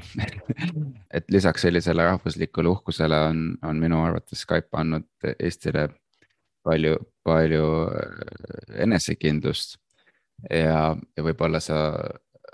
saakski natuke avada seda teemat, et kuidas sinu arvates Skype on mõjutanud Eesti et kui ma mõtlen kultuuriruumi, siis ma mõtlen nagu kõike, sest tehnoloogia, nagu sa varemgi ütlesid, et tehnoloogia on kõikides valdkondades. et me räägime startup'i ökosüsteemist, me räägime sellest, kuidas tehnoloogia, üks, üks hästi tasustatud insener äh, mõjutab, eks ole. teenindussektori ja ülevoolavusefekti tagajärjel ja nii edasi ja nii edasi, et, et, et kuidas sinu arvates jah, Skype on mõjutanud Eesti kultuuriruumi võib-olla antropoloogi pilgu läbi no see, ma arvan, et see sõna, mis sa otsisid, ongi siis rahvuslik eneseuhkus äkki või? Eneseteadvuse äh, või ka eneseteadvus jah, et äh, ma jäin ka mõtlema, sa ütlesid see ülevoola, ülevoolamisefekt, et see jah, spillover efekt, et, et ma ei olegi seda ausalt öelda kuulnud eesti keeles sellisel viisil väljendatavat, et äh, ja tegelikult ma arvan, et see ongi asi, mida, mida väljaspool tehnoloogiasektorit töötavad inimesed tegelikult ei teadvusta et just seesama, et nii-öelda üks äh, töökoht tehnoloogiasektoris toob kaasa keskmiselt viis koma kuus vist oli see number, et tõenäoliselt see on ka riigiti erinev. aga et, et jah, USA-s või Silicon Valley's mõõdetuna on see vist äh, viis koma kuus ehk siis sul tekivad sinna juuksurid, äh, massöörid, treenerid, poemüüjad, kõik siis, kes nii-öelda teenindavad seda, seda noh, jälle see, see kõlab nagu kuidagi paneb mingisuguse hierarhia kohe paika, et, et seal nagu püramiidi tipus asub see, see tehnoloog ja, ja loomulikult see toobki kaasa sellist äh, ühiskondlikku hõõrumist ja juba nüüd Eestis on näha neid pealkirju, et IT-miljonärid ostavad kokku krabavad kinnisvara ja, ja seetõttu tõusevad ka täiesti suvaliste maamajade hinnad et, et näed, nüüd tavaline eestlane ei saagi endale enam kinnisvara lubada, kuna need pahad IT-miljonärid ostavad kõik kokku valimatult. et pigem võiks ju näha nagu positiivset efekti, et, et lõpuks on meil nagu turul piisavalt raha, et inimesed on saanud piisavalt jõukaks ja, ja ju need IT-miljonärid võib-olla siis ostavad ka oma vanematele ja tütardele ja poegadele kortereid ja, ja annavad tööd ehitajatele ja ja kõikide, kõikidele muul, muudele muu,, muude sektorite esindajatele, et, raha paiskub meie majandusse tervikuna, mitte ainult pensionifondi, fondist välja võetud äh, miljonite tõttu, vaid, vaid reaalselt inimesed on äh, nagu tööd teinud igapäevaselt selleks ja, ja müünud oma toodet rahvusvaheliselt, et sealt see raha ju tulebki, et me konkureerime rahvusvahelisel turul, mitte meie pisikesel siseturul ja seetõttu ongi palgad äh, IT-sektoris äh, kõrgemad. aga et äh, jah, et selle Skype'i, Skype'i loo juurde tagasi tulles, et ma arvan, et see ongi, et meil oli rahvusena väga vaja ühte sellist positiivset lugu, et ega meil ju tegelikult noh, millega meil siis on seda oma narratiivi ehitada, et et ja mis oligi huvitav, see, mis ma oma magistritöös, ma ei tea, kui hästi või halvasti suutsin näidata, aga et et kui me vaatame neid erinevaid laineid, migratsioonilaineid, mis Eestist äh, läksid, et esimene siis juba üheksateistkümnenda sajandi lõpus, kus lihtsalt inimesed lootsid saada maad, enamasti siis Venemaal, kus ju maa ei saa kunagi otsa. Äh, ja noh, reaalsus oli muidugi see, et ega nad seda maad seal väga palju ei saanud, et, et äh, sageli lubatakse neid piimajõgesid ja suhkrumägesid ju kokku, aga et et tegelikult see ei ole nii ja see ei ole kusagil maailmas olnud nii, et, et samad USA-s äh, inimesed, kes rändasid omakorda läände, et neid ootasid seal ees ju samuti äh, suured raskused ja väljakutsed. siis teine laine oli, äh, oli siis teise maailmasõja aegne suur väljaränne, noh, nii-öelda pealesunnitud migratsioon ja siis kolmas laine oli siis taas piiride avanemisega seotud, et vabatahtlik, paljud, kes said, siis lahkusid sellepärast, et jällegi lootuses leida neid, neid rohe, rohetavamaid aasu kuskil kaugemal. Ja need ja need inimesed on teatud mõttes, need, kes siis on läinud, on, on need oma lood nagu kaasa võtnud ja hoidnud siis alal seda, seda eestlust siis noh, parimal võimalikul moel ja, ja just näiteks see teise maailmasõja aegne lugu, see ongi olnud selline, noh, ta ongi ju kurb ja traagiline lugu. et kuidas, kuidas me pidime põgenema oma kodumaalt ja, ja meid, me olime kahe tule vahel ja, ja pidime valima siis halbadest valikutest vähim halvema. ja, ja pigem see on niisugune noh, niisugune ellujäämise lugu raskuste kiuste aga et noh, see ei ole lugu, millega sa purjetad väga kaua kaugele, sest kogu maailm on täis neid rahvaid, kes on põgenenud, olnud sunnitud oma kodumaalt põgenema, et palestiinlased, süürlased äh, ja nii edasi, juudid loomulikult on kõige edukamad olnud oma selle äh, loo jutustamisel. ma olen ise olnud selles rollis, ma mäletan, ma olin kunagi teismelisena Inglismaal lapsehoidjaks ja siis ja siis äh, see pere, kelle juures ma olin, võtsid mind kaasa oma mingisuguste teiste sõprade sõpradele külla ja siis hakkasid seal rääkima, et oo, Ede on meil elanud Nõukogude Liidus ja näete, et ta on ikkagi veel elus. Ja siis, siis ma mäletan, et need Briti teismelised vaatasid nagu noh, noh, neid absoluutselt, mis mõttes, noh, mis see tähendab. et äh,, et Eesti, et äh, kas te nüüd olete osa Ungarist, noh, umbes, see oli nende nagu teadmine tollasest maailma või noh, nad arvasid, et Nõukogude Liit on ju ikka veel eksisteerib noh, ega nad ei kujutanudki ette, mis, missugust elu me siin elasime ja ega nad ei tahtnudki ilmselt teada, et äh, ja siis mul oli, ma mäletan, nii kohutavalt piinlik, et nüüd ma pean hakkama jälle seda lugu jutustama, et, et keda see siis tegelikult nagu huvitab. aga teistpidi, kui sa saad rääkida mingit positiivset lugu ja kõigil lähevad silmad särama ja sellise sama, et kui sa Palo Altos kus tahes toidupoes jälle inimesed tulevad küsima, oi kui huvitav aktsent, et kust te pärit olete, Eestist oh,. Teil on ju see Skype ja siis on nii tore nagu rääkida, et vot me oleme millegi positiivsega panustanud maailma ajalukku, et et, et see oligi selline nihe, et kuidas siis nüüd siis teatud mõttes nagu võib-olla isegi juba neljas laine neid, neid migrante, vabatahtlikke rändajaid siis, siis kes lähevadki, kes võiks töötada kus tahes maailmas ja, ja tegelikult neil ei olegi mingisuguseid piire ja sama hästi nüüd me töötame kõik Zoomis, onju, et polegi õnneks vaja kuskile lennukiga sõita enam. et, et seal toimuski, ma arvan, niisugune narratiivi nihe, et, et sellest kurvast loost saime me äkki hakata, kurva loo asemel saime me hakata rääkima mingit positiivset lugu. ja see, seda ei pidanud nagu kuidagi müüma või me ei pidanud tegema mingisugust riiklikku kampaaniat selleks, et inimesed sellest loost kinni haaraksid, vaid see müüs ennast ise, see oli nii kõva lugu, et see müüs ennast ise. Sellepärast ma arvan, ta tõigi meie ühiskonda ka teatud mõttes sellise positiivse nihke, et meil oli nüüd millegi äh, reaalselt ära tehtuga kiidelda, kuigi vähesed meist ju ise on sinna panustanud, aga me kõik oleme selle vilju tegelikult maitsta saanud, nii et, et ma arvan, et see on, võib-olla me praegu veel ei saagi aru, kui oluline see on olnud meie ajaloole, aga et äh, võib-olla paarikümne aasta pärast äh, on see juba kõigile nagu üheselt mõistetav, et millise muutuse see meie ühiskonnas on kaasa toonud wow,? siin on nii palju asju, mida tahaks lahti pakkida kohe, eriti veel seda diasporaa teemat. aga võib-olla enne, enne selle Skype'i teema lõpetuseks ma tahtsin lisada, kui sa rääkisid ülevoolu eh, efektist. seal on, seal on kaks, kaks aspekti, et üks on siis see, et eh, kuidas äh, tarkvara insener, kelle sissetulek võimaldab panustada eks ole, muudele teenindussektori töökohtadele või kinnisvara või mis iganes, äh, on ka teine aspekt, on siis äh, uute oskuste ja teadmistega inimesed, kes siis saavad liikuda tööstusharude vahel, jagades teadmisi teistega. ehk siis äh, võib öelda, et täna enam ei õigi, ei, ei, ei peakski enam rääkima tehnoloogiaettevõtetest, vaid iga ettevõte, kes tahab olla konkurentsivõimeline, kasutab tehnoloogiat selleks, et optimeerida oma protsesse või luua uusi ärimudeleid või luua mingit täiesti uut tehnoloogiat. ja, ja seetõttu sul tekib äh, spetsialiseerumine nagu igas valdkonnas, nagu me just rääkisime, eks, et tehnoloogia on ainult tööriist.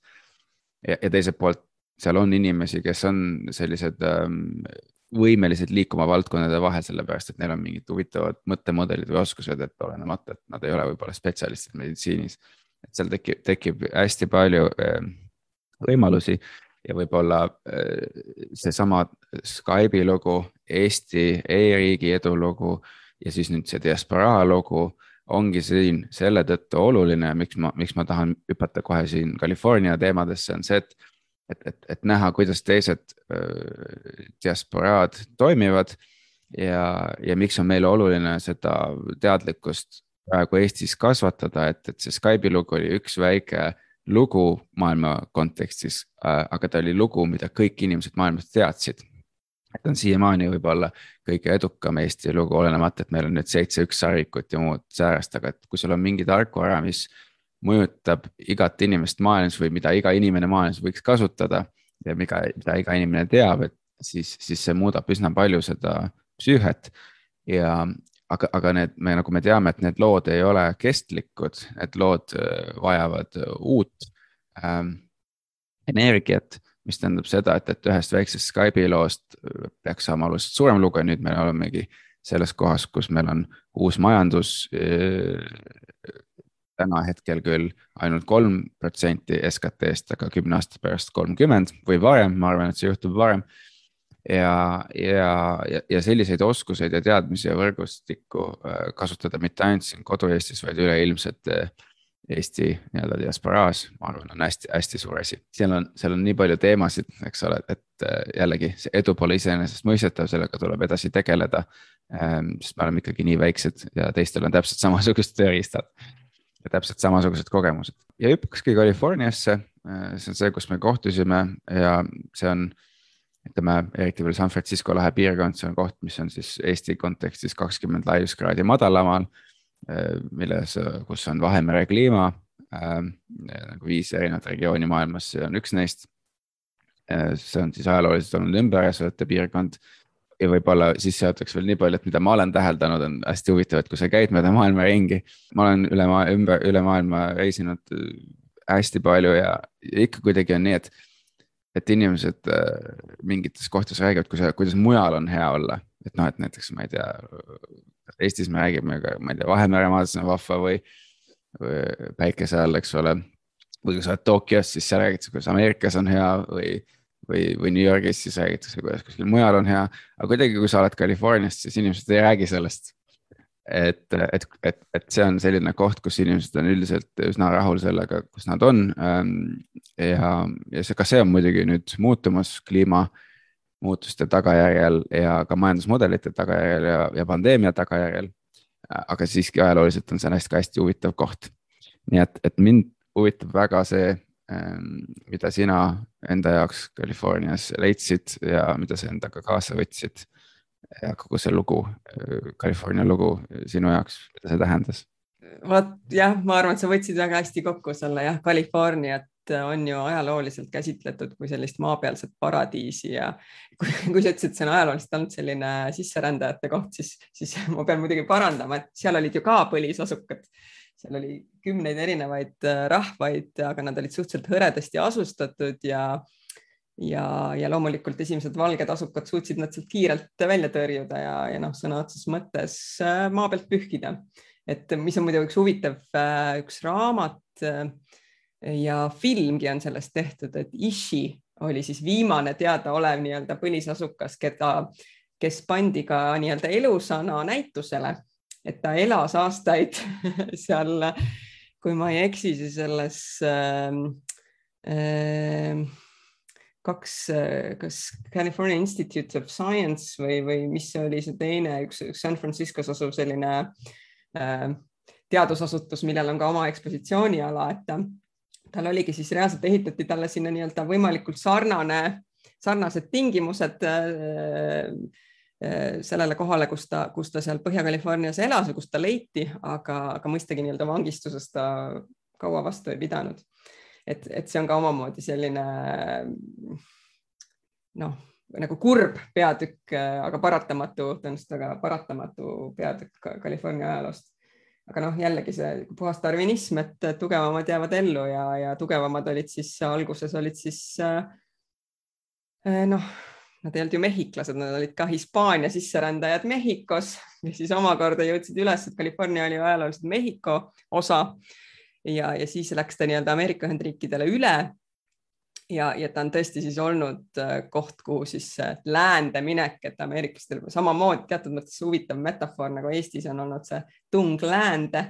et lääne pool on kogu aeg elu hea ja ida pool on halb, et, et, et USA-s oli ju samamoodi, et, et ida pool, kus oli väga tihedalt asustatud, siis juba mitusada aastat, mis Ameerika mõistes on nagu igavik et siis äh, lääne poolel oli alati ressurssi ja, ja kasutamata maad ja, ja just seesama need piimajõed ja, ja pudrumäed ootamas. Äh, aga, aga tänaseks on jah, omamoodi, et see paradiis on, võiks isegi öelda, ära rüvetatud inimeste poolt, et, et kui sada aastat tagasi ehitati sinna äh, võimsad äh, kastmissüsteemid siis tänaseks juba, et kogu, kogu Kesk-California, mis on ju tegelikult kõrb ja kus ei peakski mingisugust elu äh, olema üldse või, või nii-öelda inimesele kõlbulikku elu.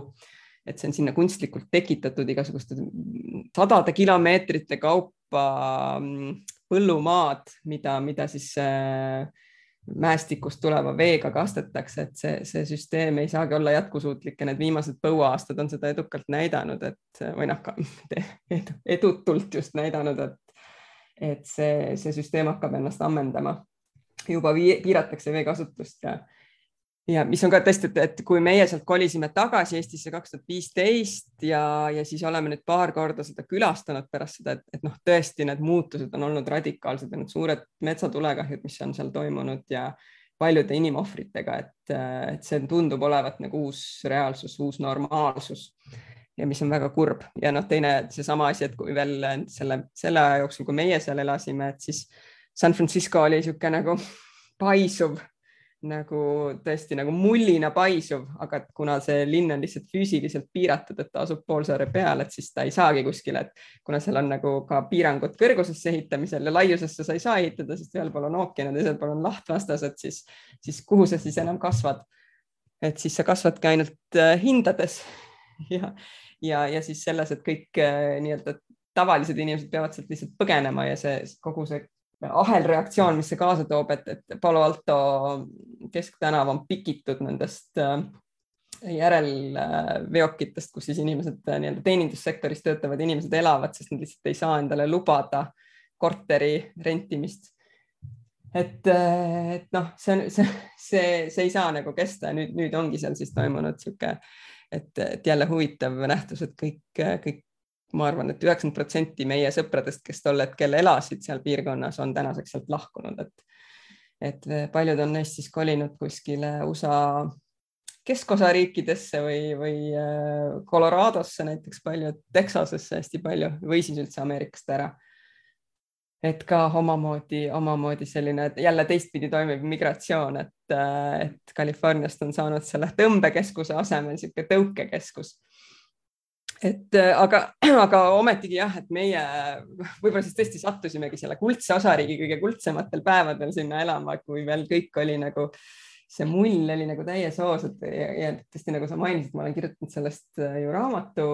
mille alapealkiri ongi Mull mullis. noh, see viitab siis sellele, et see Palo Alto mull või see Silicon Valley mull on veel omakorda mull selles California mullis, mis on nagu tegelikult sellel ei ole suurt pistmist sellega, mis ülejäänud USA-s toimub, et äh,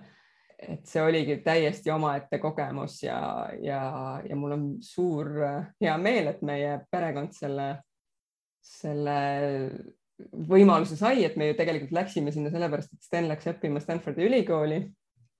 ja mina olin tol hetkel,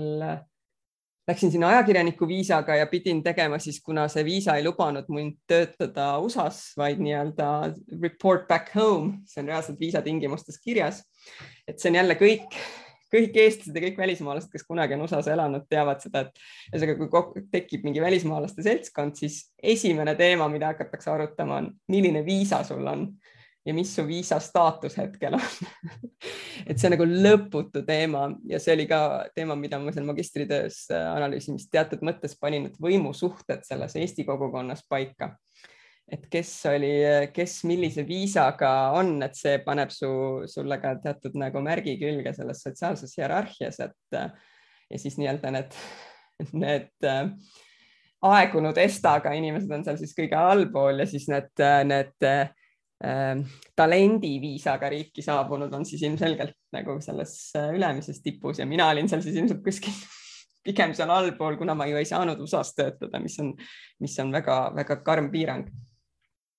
ja, ja eks see omakorda seal tekitas siis, et ma nii-öelda pidin hakkama otsima endale mingisuguseid põnevaid väljundeid, et esimene aasta seal Stanfordis oli mul nagu noh, nii-öelda see kaaslase roll, et see on jälle väga sihuke poliitiliselt korrektne, et kuidas ameeriklased oskavad kõike esitada siukses äh, suhkrukattega et äh, koolides ju ükski laps ei tohi tunda ennast halvasti, et tema nüüd ei saanud kuldmedalit, sest kõik saavad kuldmedali ja ja kui sa ei ole ise saanud Stanfordi ülikooli sisse, siis sa oled seal, sa oled seal Stanfordi kogukonnas ja sa oled partner ja see loob sulle selle, läbi selle on sulle loodud rida teenuseid, millele sa saad eksklusiivselt ligi ja, ja siis sa tunnedki ennast selle kogukonna liikmena. ja noh, näiteks seesama, et meie lapsed said Stanfordi territooriumil asuvas algkoolis käia, mis on ka nii, et kui ma nüüd pean eestlastele selgitama, onju, et mu lapsed käisid USA-s koolis, siis on esimene reaktsioon muidugi oh, teadagi, et siis nad ju ei õppinud seal mitte midagi. aga noh, jällegi siis ma pean ütlema, et vaata, aga see kool asus juhtumisi Stanfordi territooriumil ja väga sageli käisid erinevad Nobeli preemia laureaadid neile äh, tunde andmas, et näiteks, et mu poja klassijuhataja abikaasa oli nobelist füüsikas ja tema aeg-ajalt tuli ja rääkis lastele oma uurimisvaldkonnast, et et noh, kui tihti Eestis niisuguseid asju võiks juhtuda ja palju meil üldse Nobeli preemia laureaate on et, et, et noh, see on jälle nagu täiesti teistsugune kogemus täiesti ja tuleb iseendale või tuli seda pidevalt meelde tuletada, et see ei ole nagu iseenesestmõistetav, et, et me peame sellest maksimumi võtma. aga noh, tõesti, et siis, kui Sten ülikooli järel lõpetas ja hakkas seal oma järjekordset ettevõtet looma ja oli sellega hõivatud, siis, siis, siis pidin mina endale muid väljakutseid otsima ja siis nii, nii saigi minust eneselegi ootamatult seal Californias selline eestluse alalhoidja või võib-olla niisuguse uue eest, eestluse looja ja, ja selle kogukonna noh, ma ei taha öelda kindlasti hing, et seal olid neid inimesi oli väga palju, kes olid seal äh, tegid oluliselt äh, suuremat tööd ja, ja olid seda juba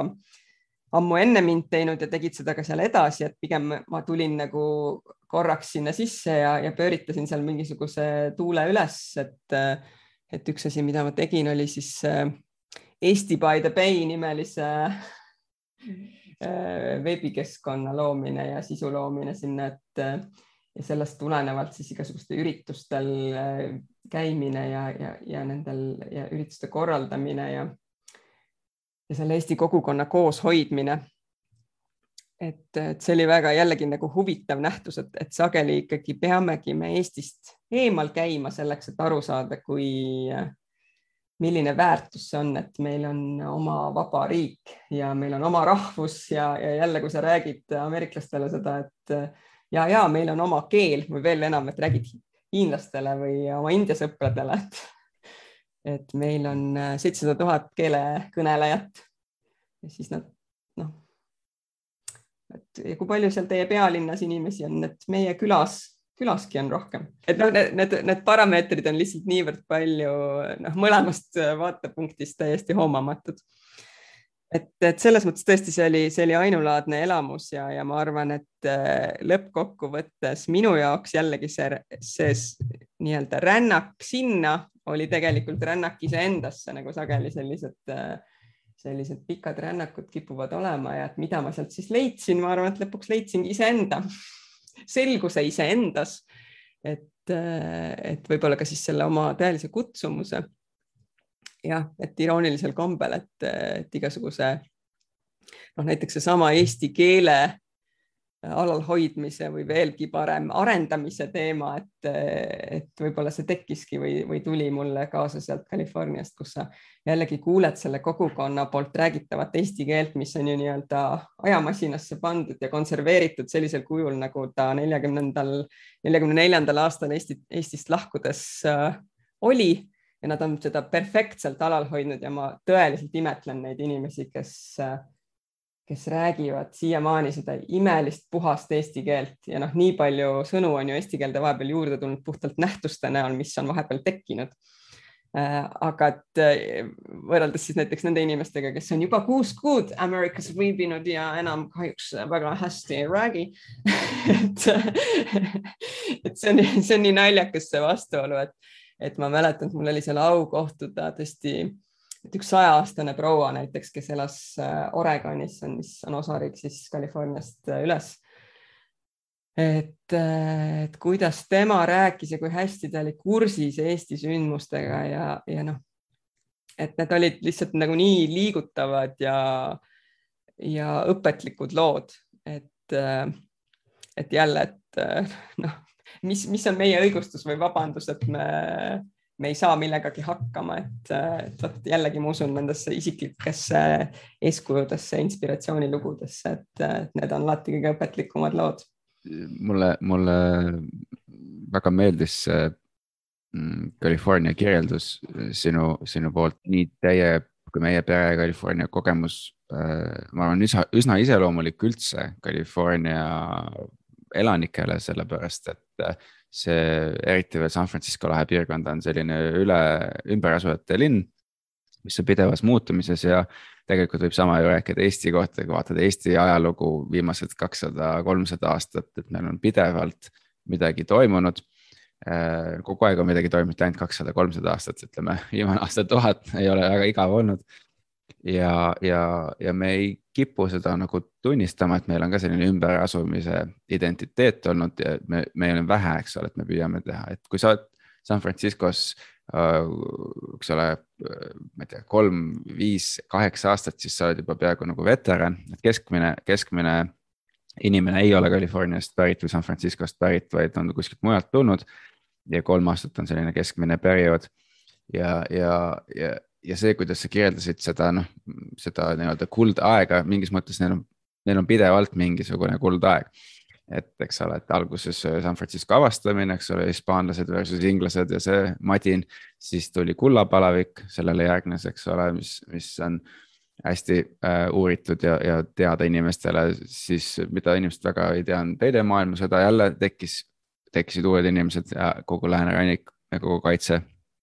Eks ole, ehitati sinna palju sõjaväebaase, millest kujunes välja sõjaväetööstus ja, ja, ja konflikt hipiliikumisega, jälle sotsiaalne innovatsioon, sotsiaalne, sotsiaalne nii-öelda sotsiaalsete mudelite testimine. ja omamoodi veider, et siin sõjaväetööstus ja hipiliikumine, matemaatika, füüsika, programmeerimine ja LSD koos sisuliselt lõid Silicon Valley, nii nagu me seda tunneme, eks ole, mütoloogiliselt juba ja, ja seal on alati sotsiaalsed äärmused ja, ja nüüd, nüüd siis nii-öelda San Franciscost lahkumine eh, ja nii-öelda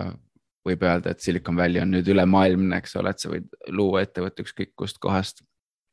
et selles mõttes on Eesti, Eestil on palju huvitavat ja, ja loomulikult, nii nagu sa mainisid seda Ishit, kes tuli siis nendest jahi, jahiinimestest ja, ja tegelikult see oli UC Berkeley's, kus teda hoiti, ta oli seal alguses vähemalt oli UC Berkeley's ja siis viidi UC San Franciscosse üle, ta oli alguses koristaja. teda pandi koristama ja selliseid häbiväärseid lugusid loomulikult Ameerika täisindiaanlastega, aga ka Eestis on meil palju häbiväärseid lugusid, nii et kogu ajalugu on, on täis häbiväärseid lugusid. ja me peame neist õppima. nii et me, ma tahaks keskenduda siin, siin praegu just sellele diaspora uurimisele ja mulle väga meeldis see, mida sa rääkisid eh, erinevate inimeste kohta, erinevate Eesti ütleme kogukondade kohta erinevates kohtades, kes räägib hästi eesti keelt ja kes ei räägi. kellel on huvi ja kellel ei ole huvi. et siis samamoodi elades ja reisides üle maailma märkad erinevate rahvuste, ütleme kogukondi, kes on edukad ühel või teisel moel. ja, ja ja võib-olla üks asi, et, et võib-olla see ongi see koht, kus nagu saaks, saaks üle minna sinu sellele peamisele tegevusvaldkonnale. ma ei oska öelda, kas see on peamine tegevusvaldkond, aga ütleme see magistritöö, millega sa, vähemalt minu jaoks on nii, niivõrd mõjuv äh, see töö, et äh, kui meie esialgsed sellised diaspora uuringud keskendusid sellele, et, et millised on Eesti kogukonnad erinevates maailma kohtades internetieelsel ajastul Nõukogude okupatsiooni tingimustes, kus sa ei saanud minna koju ja ja võib-olla ei olnudki lootust, et Eesti kunagi saab vabaks, et mis üldse saab. siis nad ehitasid selle äh, kogukonna üles äh, kriitilistest komponentidest, mis oli vaja, keel, kultuur, laulud ja lood. et siis nüüd interneti järgsel ajastul võiks nii-öelda siis kus me saame luua täiesti uue võrgustiku ja see on nagu üks selle saatesarja eesmärkidest ka, et tuua inimesi teineteisele lähemale, et iga, iga saatekülaline tuleb oma võrgustikuga, oma fännklubiga, oma teadmistega ja siis me teeme oluliselt ähm, tihedama võrgustiku sellega seoses, et ei ole erinevad punktid, vaid need punktid tuleb nagu joontega ühendada. ja tegelikult see, see uurimustöö, mida sa tegid, on, on, on mingis mõttes noh kuidas öelda, kõik kõige olulisem komponent, mida, mis mina nagu enda jaoks pean selle saatesarja tegemisel. ja võib-olla sa saad seda natuke selgitada, et mis oli selle uurimuse eesmärk, tulemused ja, ja, ja mis oli kõige üllatavam? jälle, nagu ma enne ka mainisin, et see minu jaoks see California oli omamoodi selline äh, nagu rännak iseendasse, rännak Eestist eemale selleks, et jõuda selgusele iseendas et sa pead oma sellest igapäevasest keskkonnast ja mugavustsoonist välja saama selleks, et see sind natuke raputaks ja paneks võib-olla võimaluste ja perspektiivide üle järele mõtlema. ja, ja, ja selles nii-öelda metodoloogilises mõttes või, või äh, jah, et antropoloogilise tekstina ta ilmselt nagu äh, kvalifitseerub selliseks autoetnograafiaks ehk siis äh, jah, niisuguse ene, enese reflektiivsele ongi selline iseennast mõtestav äh, tekst äh, läbi siis äh, kogu selle keskkonna, kus ma siis seal olin. ja jah, kui, kui etnograafia kui üldse selline teadusharu, mis siis kõigepealt siis nagu vaatleb, siis kirjeldab ja siis üritab ka pakkuda mingeid seletusi. no näiteks Clifford Geertz, üks tuntud väga,, väga-väga tuntud äh, antropoloog on, on nimetanud seda nagu tihedaks kirjelduseks, et noh, näiteks võib-olla see ongi see koht, kus antropoloogia erineb ajakirjandusest, kui ajakirjandus on natuke niisugune pinnavirvendus äh, sellest, mis, mis inimühiskonnas toimub, siis, siis antropoloogia üritab siis nagu sinna sügavuti sukelduda ja anda neid seletusi just seesama, kui sa seda võrgu võrguga võrdlesid, et just see eestlaste kogukond ja see ei ole ju ainult eestlased, ei ole siin jälle kuidagi erilised maailmas, et, et kõik rahvad tänapäeval on ju, et ei ole meil nagu niisuguseid eh, enam eh, selliseid, et see on ka Ernst Kellner on öelnud eh, ka üks, üks tuntud rahvusluse uurija, rahvuste uurija, et kui, kui, kui vanasti olid meil maakera, võtad maakera kaardi ette ja või maakaardi, maailmakaardi ette siis on seal, ongi siuksed noh, nii-öelda poliitilised äh, piirid paika pandud ja need on värvidega eristatud ja noh, vot siin elavad eestlased ja siin lätlased ja siin soomlased ja, ja nii on ja siin on piirid ja ei, keegi ei liigu sealt üle. et siis, kui me tegelikult täna võtaks seda rahvusepõhiselt, siis see on üks kohutav sigri-migri, ei ole enam nii selgeid piire ja piirid tõesti, et nad võivad ju need riigipiirid olla, aga tegelikult piirid on enamasti meie peades. Ja, ja seesama kogu see teooria, et, et mis asi see rahvus üldsegi on, et kas rahvus on mingisugune bioloogiliselt määratud äh, omadus, et ei ole, et see on ka samamoodi, noh, siin on jälle Benedict Andersoni selline kogu mingisugust perioodi defineeriv selline tüvitekst, kus ta rääkis siis kujutletavatest kogukondadest, kus, kus rahvused ongi sellised, et noh, ta ongi niisugune sotsiaalne konstruktsioon Äh, nagu väga paljud asjad äh, meie eludes ju on, et me oleme ise omistanud sellele mingisuguse tähenduse. ja noh, see sel teemal on väga palju erinevaid tekste kirjutatud, mulle endale meeldib äh, Soome antropoloogi Liisa Malki kirjeldus just selles, et kuidas ajalooliselt on olnud see käsitlus just rahvuse käsitlus hästi selline tuues, tuues sisse igasuguseid paralleele ja metafoore loodusest, et, et puu ja isamaa ja emakeel ja me oleme kõik kuskile nagu peame olema juurdunud ja siis see puu on samamoodi näiteks keelepuu on ju, et meie oleme seal soome-ugri keel, keelkond, et, et, et see ka kindlasti sul tuleb ka silme ette see Indoeuroopa keelte puu, et, et kuidas me oleme üks pisikene harukene sihuke ja meie oleme veel suhteliselt nii-öelda lehes olev haru, aga et siis, siis väga paljud keeled, mis kahjuks on tänaseks juba kadunud nagu liivi keel, et, et noh, jällegi siis see paralleel, et kui, kui jätkusuutlik see puu siis on ja puu, mis külvab siis oma, oma tõrusid või seemneid kuskile ja siis sa juurdud jälle kuskil mujal ja tegelikult ju inimene ei ole puu ja inimene võib vabalt liikuda, et, et nagu kaheksakümnendatel käsitleti hästi palju just seda rahvuslust, mis on jälle inglise keeles on see siis nationalism ja siis on transnationalism ehk eesti keeles on need hoopis siis rahvuslus ja hargmaisus, et, et nagu tüvelt hoopis teistsugused sõnad, et, et üks viitab nagu jah, sellele et rahvus on nagu keskne ja teine viitab hoopis sellele, et see asukoht on keskne. et nüüd ongi ikkagi nagu tekkinud mingi uus normaalsus, et, et võib-olla just nende suurkorporatsioonide tekkega, mis muutusid nagu rahvuste üleseks, riigipiiride üleseks, et see, see iseenesest ja noh, siin on Skype jälle hea näide, et kuidas ja teistpidi ka see toode iseeneses, et ta võimaldaski meil täiesti ilma igasuguste piirideta suhelda omavahel. mis operaatorit sa kasutad ja ma pean sulle ühest võrgust teise helistama ja seal on mingi võrgutasu ja kõik need asjad nagu kadusid ootamatult ära ja see, see ikkagi muudu, muutis ka meie mõttemalli ja just ka ootusi pakutavatele teenustele, et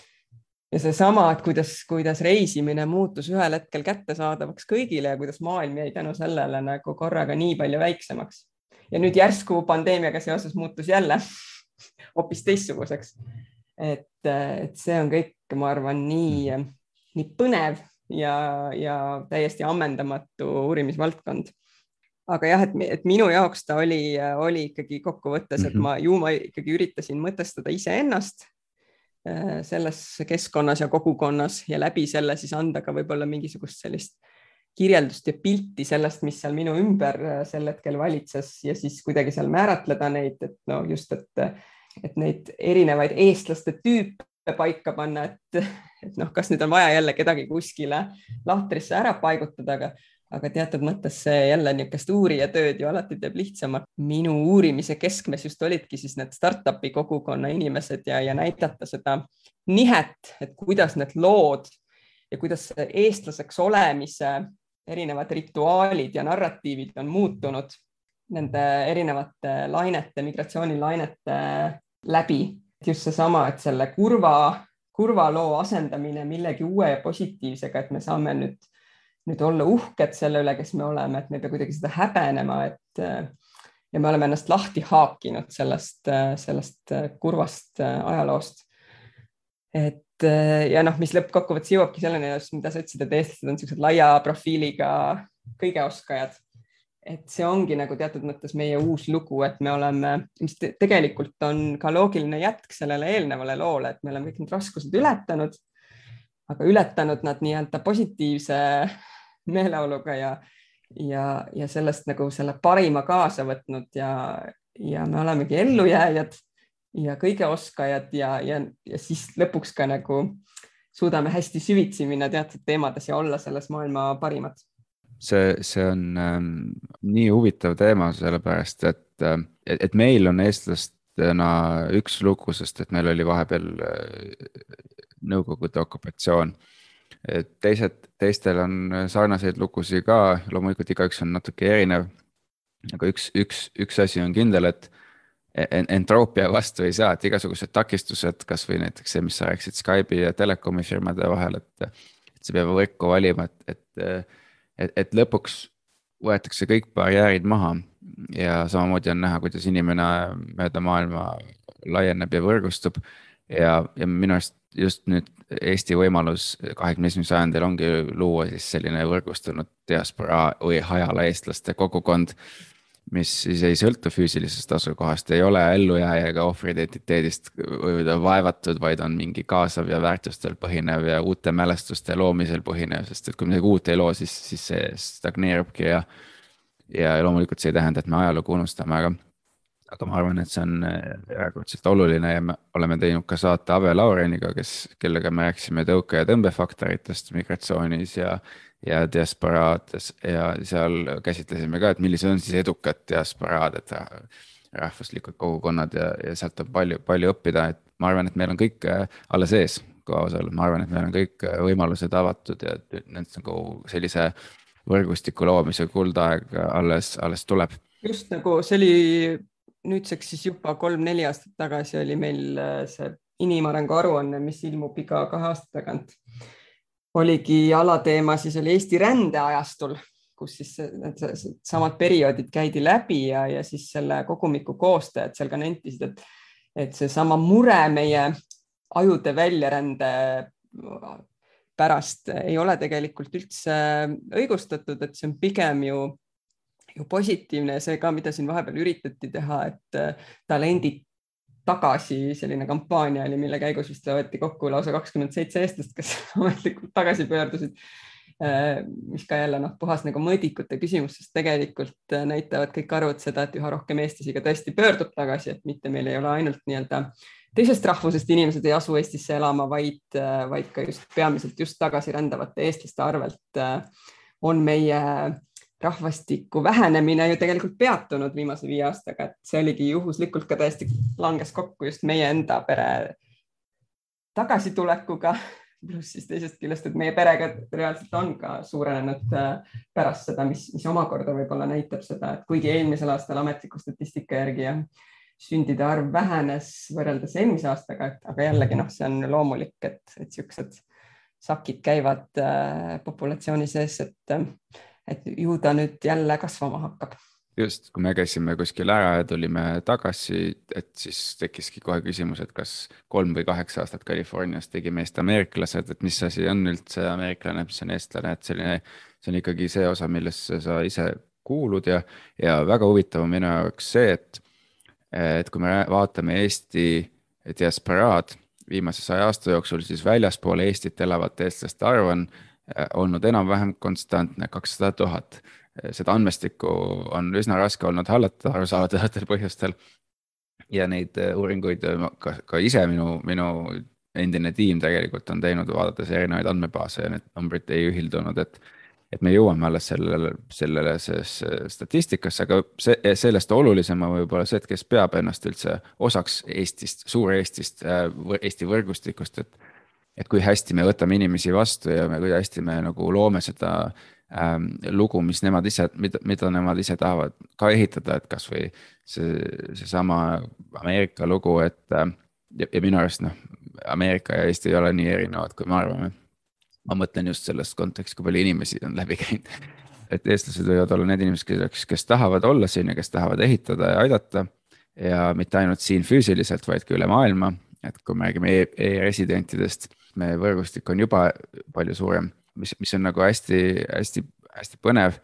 et, et kui me ehitame seda äh, suuremat Eestit, siis see väär, väärtuspõhisus on see, mis toob inimesi meie juurde. ja, ja mingis mõttes võib seda kujutada metafoorina hoopis nagu mitte isegi ainult võrgustikuna, vaid mingi kihina, et erinevad rahvad, erinevad väärtussüsteemid võistlevad omavahel et, et see on umbes nagu tarkvaraprogramm, et millisesse sa tahad kuuluda, eks ole, või mida sa tahad kasutada. et niimoodi iirlastel on hästi tugev diaspora. see on ülemaailmne, noh eestlastel meil nagu oma, oma kiht, see on nagu mingid sibulakihid või ma ei tea, lasanjakihid või mida iganes, selline kihine, kihiline süsteem. kus, kus äh, igaüks võib valida, millises äh, kihis sa tahad olla.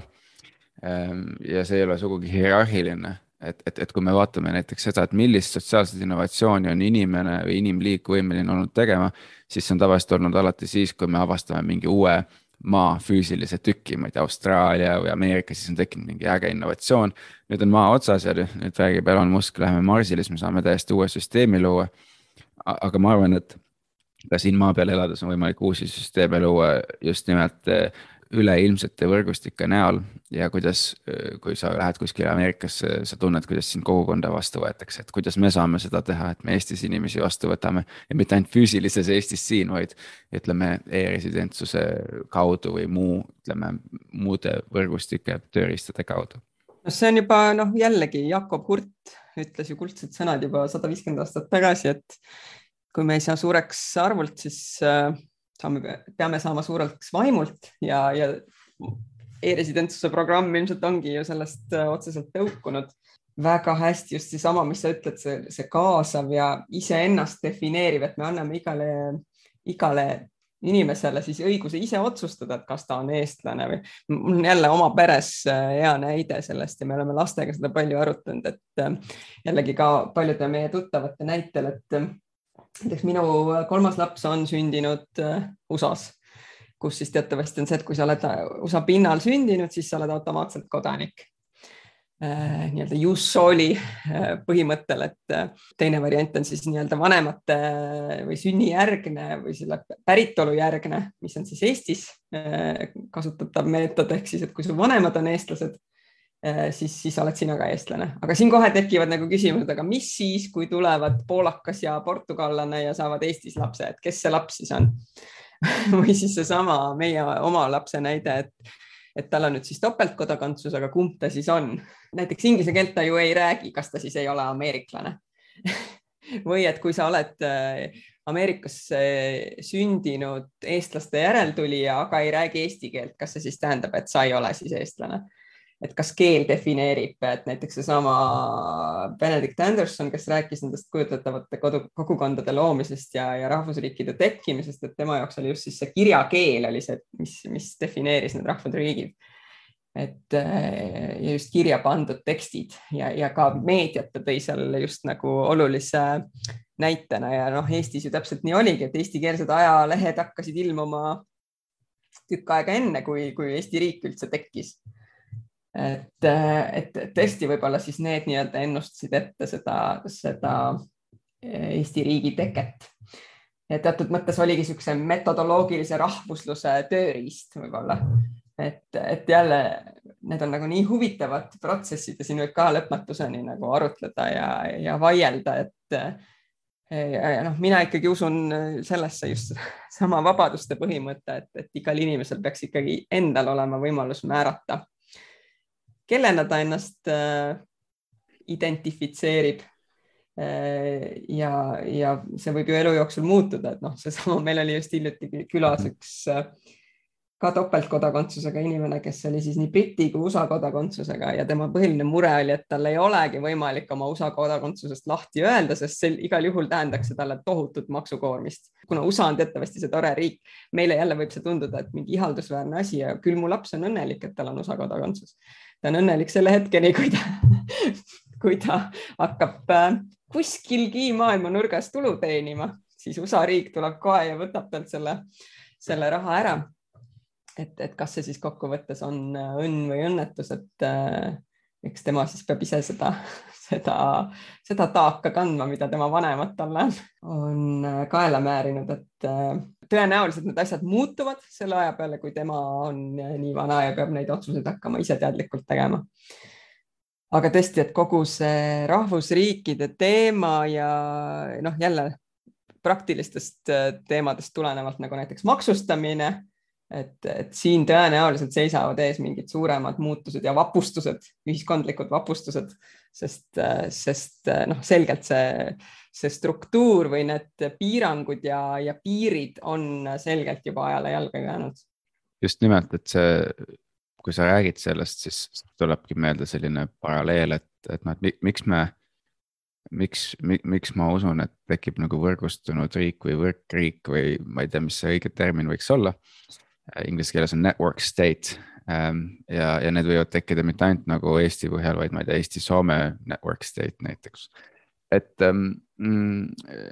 et huvitav ongi see, et, et, et inimesed, et kui me räägime äh, sellest äh, Eesti kogukondadest okupatsiooni tingimustes, siis see ongi ohvri ja, ja ellujäämise identiteedist kantud, sest sul ei ole muid võimalusi. ja, ja praegu seni, eks ole, nad, nad eksisteerivad ja me, kui me need kokku seome, siis ongi üks võrk. ja, ja kui sa lood uusi mälestusi, siis ongi võimalik, on lihtsam vanadest äh,, mitte mälestustest lahti saada, vaid on võimalik nagu edasi liikuda.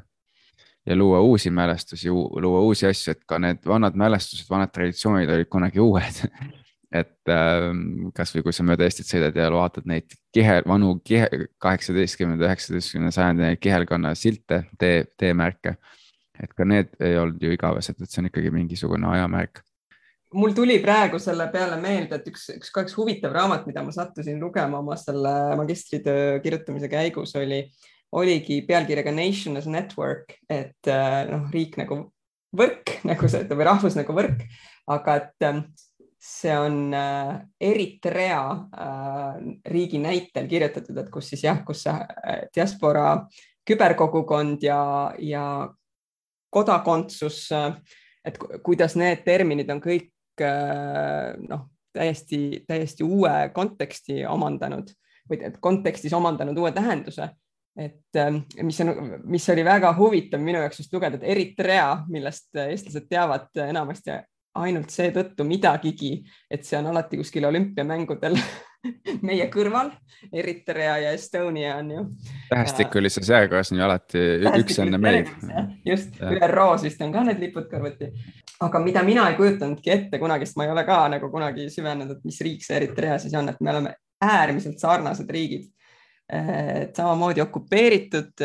ja, ja uuesti taasiseseisvunud ja, ja kus on ka siis täpselt samasugune äh, Eritreas siis veel suurem äh, hajala kogukond kui Eestis ja kuidas ja siis seal selles raamatus siis oligi vaadeldud sellest, seda, kuidas äh,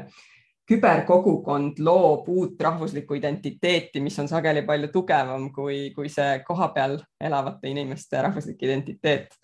Et, et jälle seesama nähtus, mis ka eestlaste puhul on ju niivõrd või tundub meile, et see on meile ainuomane, aga tegelikult jällegi, et et see ei ole ainult meile omane, aga et, et seda, seda toredam võib-olla on teada, et ka teistel on see samamoodi ja ja et me ei ole kuidagi, et see ei ole mingi traagika, vaid see ongi uus normaalsus, et, et suur hulk rahvast elab väljaspool ja, ja see teeb meie riiki ainult rikkamaks. jah, mida rohkem kinni hoida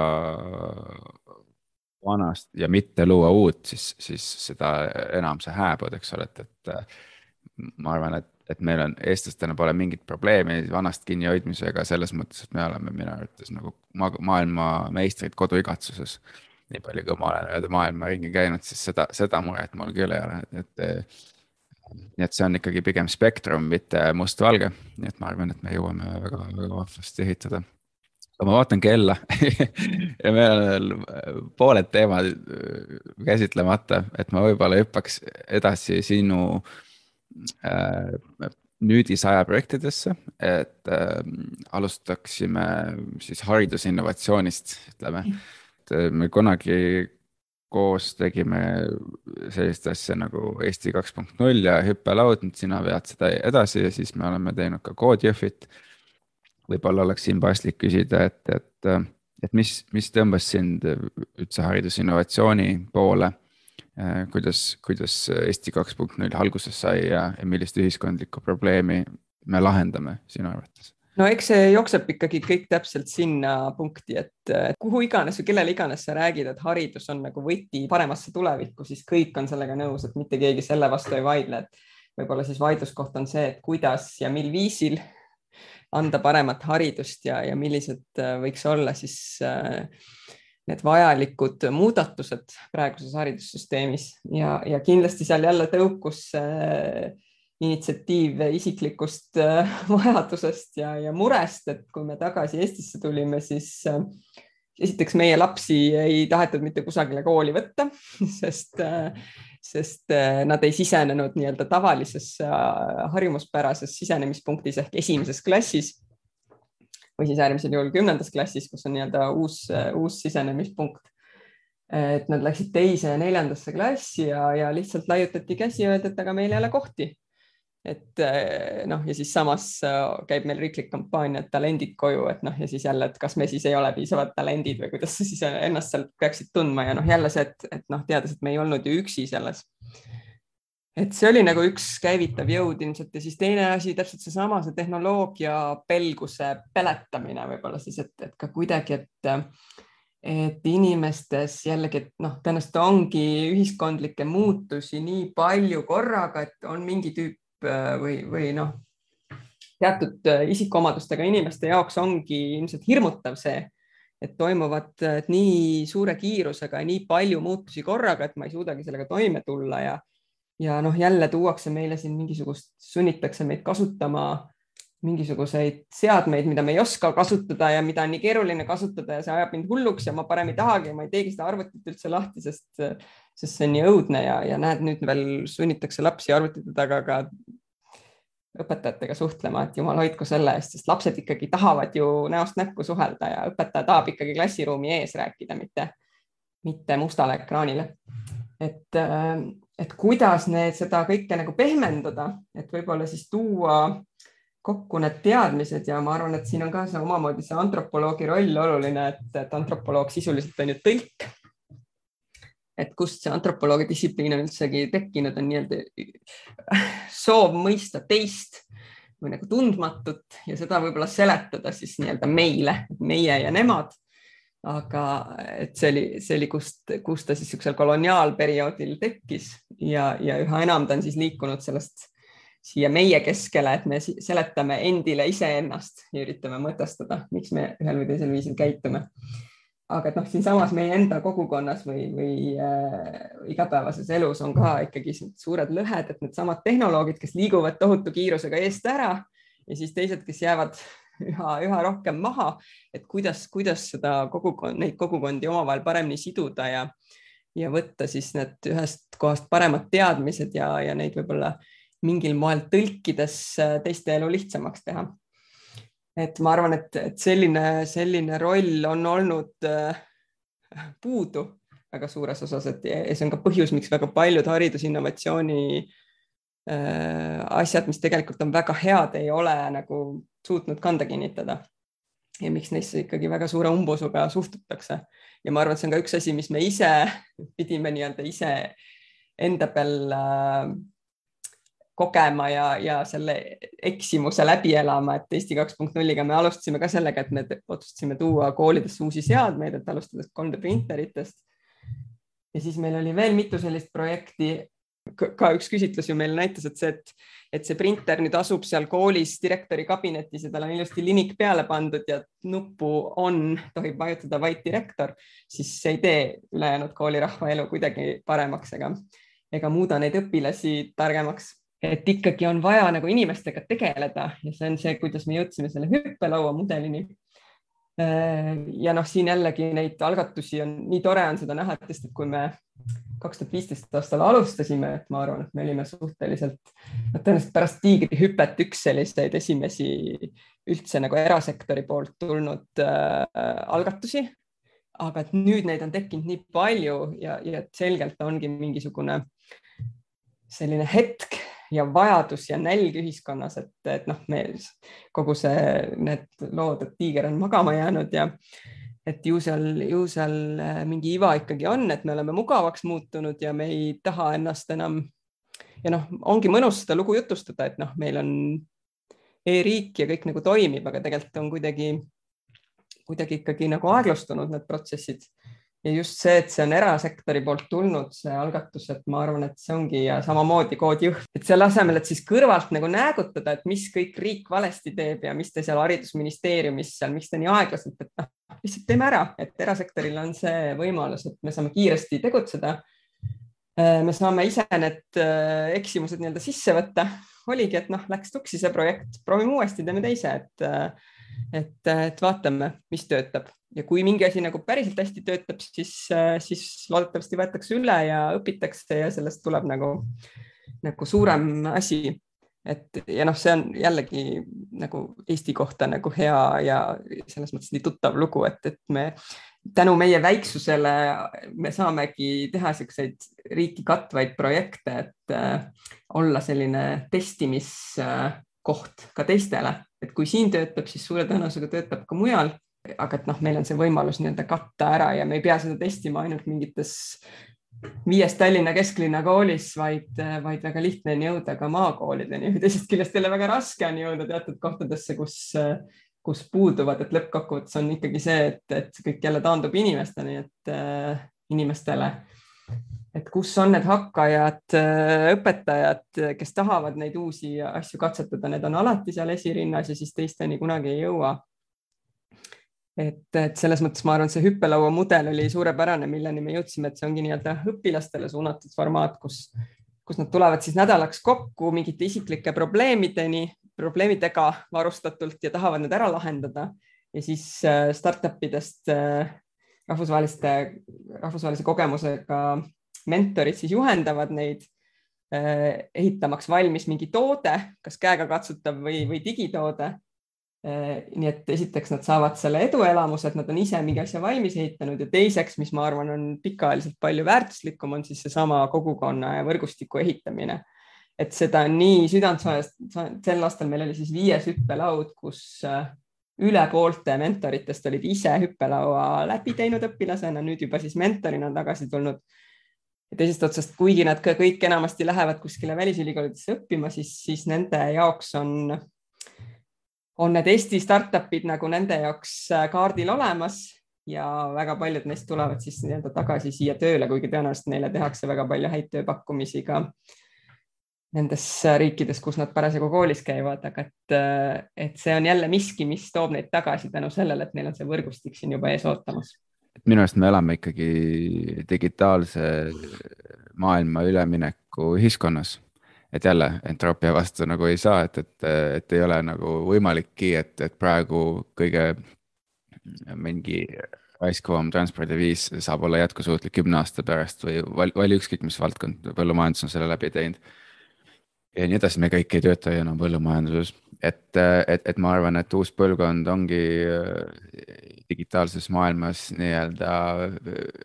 põlisasukas ja, ja, ja see on see, mida me teeme, eks ole, hüppelauaga ja noh, Code Jõhvi äh, seltskond on peamiselt siis ülemineku ühiskonna esindajad vanuse tõttu. et keskmine vanus kakskümmend seitse ja see ongi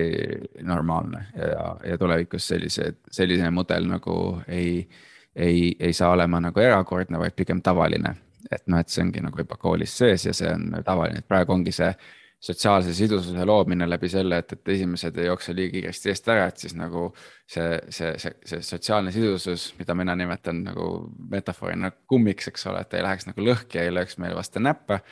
vaid et me tõmbame nagu kõik järgi, et, et see ongi selle asja liim või kumm, on ju ja, ja, ja seetõttu nagu ongi vahva vaadata, et mitte mingit vahet ei ole, kas need äh,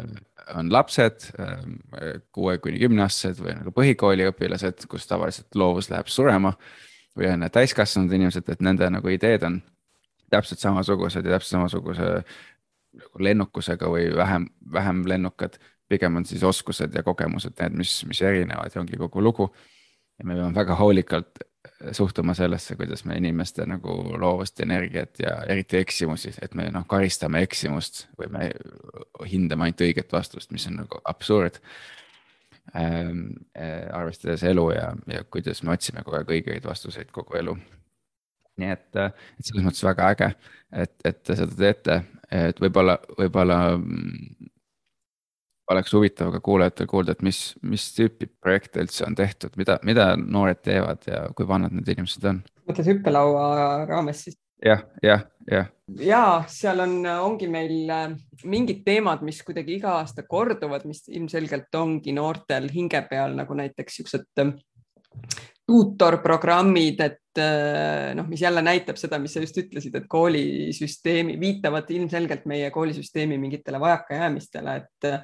et kuidagi jälle, et need, kes on kuidagi maha jäänud, et neid nagu ei aidata järgi või see on su enda mure ennast siis järgi aidata. et jah, see ühiskondlik empaatia on meil ikka suhteliselt madal, et, et siis on väga palju olnud jah, neid siukseid, et noored on ise tahtnud ehitada siukseid kas siis, et üks õpilane aitab teist või sihuke omamoodi mingisugune oskuste vahetusplatvorm, et vot neid on meil iga aasta ehitatud või mingisugused ülikoolide äh, et mitte siis ainult ülikoolide pingeridade, ma ei tea, mingisuguste keskkondade loomine, vaid ka, et sa, sa tood sinna sisse mingisugused sotsiaalsed dimensioonid näiteks, et et eelmine aasta ma mäletan, meil üks tiim vist ehitaski niisugust ülikooli kogemust, kõike selle õppetöö välise sotsiaalse konteksti kogemuse vahetamise platvorme. noh, a la, et näiteks ma, et sina jälle olete omal ajal seal Äh, Tehnikaülikoolis loonud erinevaid klubisid. et noh, just seesama, et kust ma üldse saan infot, missugused klubid selles ülikoolis tegutsevad, mis asja seal klubides pakutakse, kuidas need klubid omavahel suhtuvad, suhtlevad, et, et kõik mingid sellised, äh, sellised nähtused. loomulikult on meil ka hästi palju olnud igasuguseid siukseid ägedaid füüsilisi asju, mida on ehitatud, et esimesel aastal oli meil legendaarne sõrmejälje tuvastusega seljakott et see on omamoodi niisuguseks äh, hüppelaua nagu maskotiks saanud, et äh, ma ei tea, targad kastmissüsteemid jälle tulenevalt sellest, et, et suvi läbi vanemad sunnivad lapsi äh, kuskil kasvuhoones kastekannuga käima iga hommik, et, et lahendaks siis selle, vot see tuleb jälle, jõuame sinna eestlaste multifunktsionaalsuseni, et, et sa lihtsalt rasketest oludest tulenevalt üritad ära automatiseerida teatud protsesse, et see on nii lahe näha, kuidas õpilased ise selleni jõuavad. et ja just, et see, et, et meil on siis niisugune lahendusele orienteeritud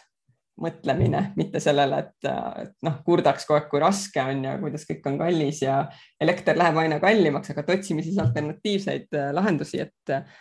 et kuidas enda jaoks nagu asju lihtsamaks ja mugavamaks teha, et, et just see mõttemalli muutus ja just seesama, mida sa ka ütlesid, et koolis nagu oodatakse ühte õiget vastust, aga meie pigem julgustame eksima et, et teegi äh, sae see tükk välja, okei okay,, näe, tuli valesti, sae uuesti, vaata, võib-olla saab hoopis mingil teisel moel, võib-olla sa peagi saagima, võib-olla hoopis mingist teisest materjalist teha. et just seda ja siis ka meeskonnatöö, mis on jälle ka, et noh, haridussüsteem jõuab aeglaselt sinna, et üha enam tehakse grupitöid ka koolides. esitlemine, mis on siiamaani eestlaste jaoks raske ülesanne ma mäletan, minu jaoks suurim šokk oligi, kui mul laps läks USA-s esimesse klassi, et esimeses klassis oli neil äh, science fair'i jaoks vaja teha nagu uurimisprojekt, et sa pead kõigepealt nii-öelda püstitama hüpoteesid, siis, äh, siis leidma, noh, koguma materjali, leidma siis toetavad faktid, siis need kuidagi kokku koguma ja siis esitlema seda ja seda kõike nad tegid esimeses klassis ja noh, ma meenutasin siis, et meil oli vist ülikooli esimesel kursusel, ma puutusin esimest korda kokku sõnaga hüpotees. et, äh, et jälle, kuidas ja noh, lihtsalt, et see annab nagu äh, isiksuse arengule nii palju juurde ja et meil ongi seda raske, kui see, kui see jõuab meieni elus nii hilja, et siis see ei olegi iseenesestmõistetav et mingeid siukseid noh, lihtsalt toetada seda, et jällegi mitte, mitte nagu kõrvalt viriseda, vaid siis pakkuda täiendavaid äh, võimalusi seda, seda horisonti avardada. just ja, ja, ja see on võib-olla hea hüpe teemasse, mida ma tahtsin sinuga ka rääkida, on, on, on äh, naised tehnoloogias või naiste võrdne kaasamine üldse kõikidesse ühiskonnaprotsessidesse, eriti olukorras, kus äh, füüsiline töö ajas muutub, läheneb nullile, kui matemaatiliselt väljendada et, ähm, et siis nagu oleks üsna, üsna tobe nagu jätkata nii, nagu me praegu oleme jätkanud või tähendab, siiamaani oleme elanud. Äh, et me oleme nagu kõiki neid projekte tehes näinud, et äh, naised ei eristu nagu võimekuses mitte kuidagimoodi äh, meestest, pigem isegi teevad paremini ja empaatiavõime on üks olulisemaid asju, mis, mis pigem ma julgeks öelda, et nagu meeste hariduses on vajakajäämisi et seal on nagu bioloogilised erinevused äh, loomulikult, aga ma arvan, et, äh, et me oleme sellest rääkinud sinuga, et, et mis annab enesekindlust inimestele, on, eks ole, eeskujud ja, ja, ja, ja tööriistad, et, et noh, enesekindlus, et ma oskan midagi kasutada ja see tähendab seda, et mida varem sa sellega alustad, seda paremini läheb. aga, aga siis ähm, sinu enda kogemusel, noh näiteks kood Jõhvis on meil kakskümmend viis protsenti naisi, kuigi kuigi äh, nelikümmend protsenti oli kandidaatide seas. ja, ja ometi nad ikkagi ei, ei, ei teinud nagu neid kognitiivseid teste läbi, mul on oma, see on nagu, läheme liiga detailidesse. aga, aga mind huvitab sinu vaade sellele ja, ja mind huvitab see, et, et kuidas sa näed naiste rolli ühiskonnas, naiste rolli tehnoloogias. mida me saame teha Eestis paremini selleks, et, et olukorda parandada no vot, see taandubki nii palju, noh, just seesama, mis sa ütlesid, see eeskujud, et, et üks asi on jah, et kui sulle tuleb noh, täiesti nagu banaalne näide, et, et klassi näiteks tüdruk, tüdrukuid täis klassi rääkima mingi keskealine onu sellest, kuidas tüdrukud, homsest alustame siin teie koolis programmeerimistunniga ja tulge kõik ja see on nii äge. Versus see, et sinna tuleb nagu noor naisterahvas, kellega need tüdrukud nagu vaheselt samastuvad, näiteks sama näide, et mida Kersti Kaljulaid tõi välja, et kui eh, et, et inimesed on hakanud joonistama presidenti, kes kannab kleiti, et see on lihtsalt nagu laste peas juba see, et lasteaedades joonistavad lapsed, et nagu ikka noh, vabariigi aastapäeva puhul näiteks, et näe, meie president ja kannab kleiti, et juba laste peades on see iseenesestmõistetav, et president võib kanda, kanda ka kleiti et kui me näiteks noh, see on see jälle, et kui laps peab kujutama, ma ei tea, arsti või, või siis programmeerijat, et millisena ta teda siis kujutab, et kui tihti seal võib olla kleit näiteks mängus. mitte, et see kleit peaks nüüd olema niisugune ainu, ainuvõimalik viis naisterahvast eh, defineerida. aga, aga see kakskümmend viis protsenti on ju teatud mõttes isegi hästi on ju, et et kui, kui täpselt selline on see number ka ju Eesti IKT sektoris üldse et naiste osakaal täpselt selline ongi ja tegelikult, kui me sinna sisse veel vaatame, et see äh, see tuleb, et see number on nii suur tegelikult tänu just selle kaasale kommunikatsioon. ehk siis sageli on need, need madalamalt tasustatud ja väiksema tähtsusega igasugused tugifunktsioonide rollid, mida naised täidavad ja mida nii-öelda kõrgemale me see IT nagu äh, hierarhias liigume, seda vähem seal neid naisi on. Et ja no näiteks sama hüppelaual ma näen iga aasta ränka vaeva, et sinna saada naissoost mentoreid, et, äh, et lihtsalt kuna neid ei ole, neid ei olegi võtta, et eriti kui sa lähed spetsiifilisematesse rollidesse, et, äh, et siis ongi väga keeruline neid leida, et selles mõttes ma arvan, et meil on isegi hästi, et Jõhvis on, on äh, veerand õppijatest naissoost. Nii et, et ma usun, et see on jälle, küllap ta hakkab vaikselt äh, kasvama, see number. Ja ma rõhutan jälle, et Eestis on ju isegi Euroopa Liidu tasemest, me oleme keskmisest kõrgemal sellega. aga noh, tõenäoliselt siin ongi, et see võtab aega, et seesama Unicorn Squadi algatused, kus tüdrukutel on noh, et me loomegi täiesti noh, mida jälle on nimetatud positiivses, positiivseks diskrimineerimiseks, jah, ja ma arvan, et selles vanuses ja, ja mingi ajaperioodi me peamegi tegelema positiivse diskrimineerimisega selleks, et kuskilt äh, paisu tagant välja saada. et, äh, et noh, jällegi, et hüppelauaga meil on jälle natuke vanem see sihtrühm, neljateist kuni üheksateist aastat, kus juba see ei ole nii äh, määrav, et, et, et selles vanuses juba nii-öelda isiksused on rohkem välja kujunenud ja tüdrukud ei tunne ennast enam nii allasurutuna nende, nende alati kõike teadvate poiste poolt ja liiatigi ei ole meil seal siis neid juhendajaid, kes ütleks, et sina, tüdruk, mine tee kohvi sel ajal, kui poisid programmeerivad, mis on ju kuulus lugu eh, Ameerika Ühendriikidest. et, eh, et noh, tegelikult, et ega ei muudagi seda noh, suhtumisi ja, ja väärtushinnanguid ei saa nagu muuta väevõimuga ja üleöö. et see võtabki aega, et äh, et me oleme teel sinnapoole ja, ja noh, ma arvan, et siin ka seesama, et isegi see testide sooritamine ja, ja sealt, et noh, seal, et, et seal on nii palju muid tegureid veel, et tõenäoliselt naiste puhul noh, et siiamaani me oleme selles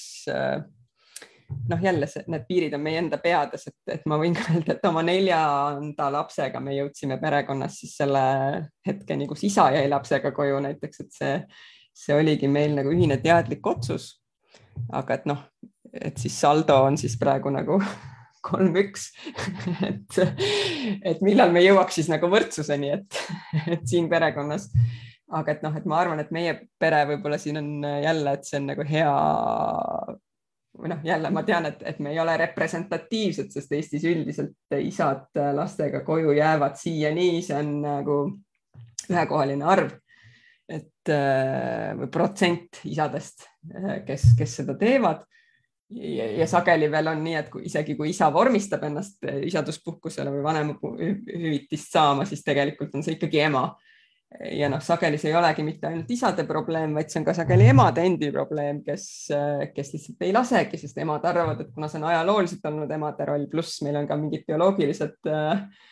omadused, mida isad ei saa üle võtta, et et siis see ongi just nagu iseenesestmõistetav, et ikkagi ema peab olema lapsega, mis omakorda tekitab selle, et sa oledki tööjõuturult eemal, sa kaotadki teatud kvalifikatsiooni ja sa ei saagi, sul kaob ära ka enesekindlus ja kuidas sa siis lähed sinna nii-öelda, lööd jalaga ukse lahti ja nõuad kõrgemat palka.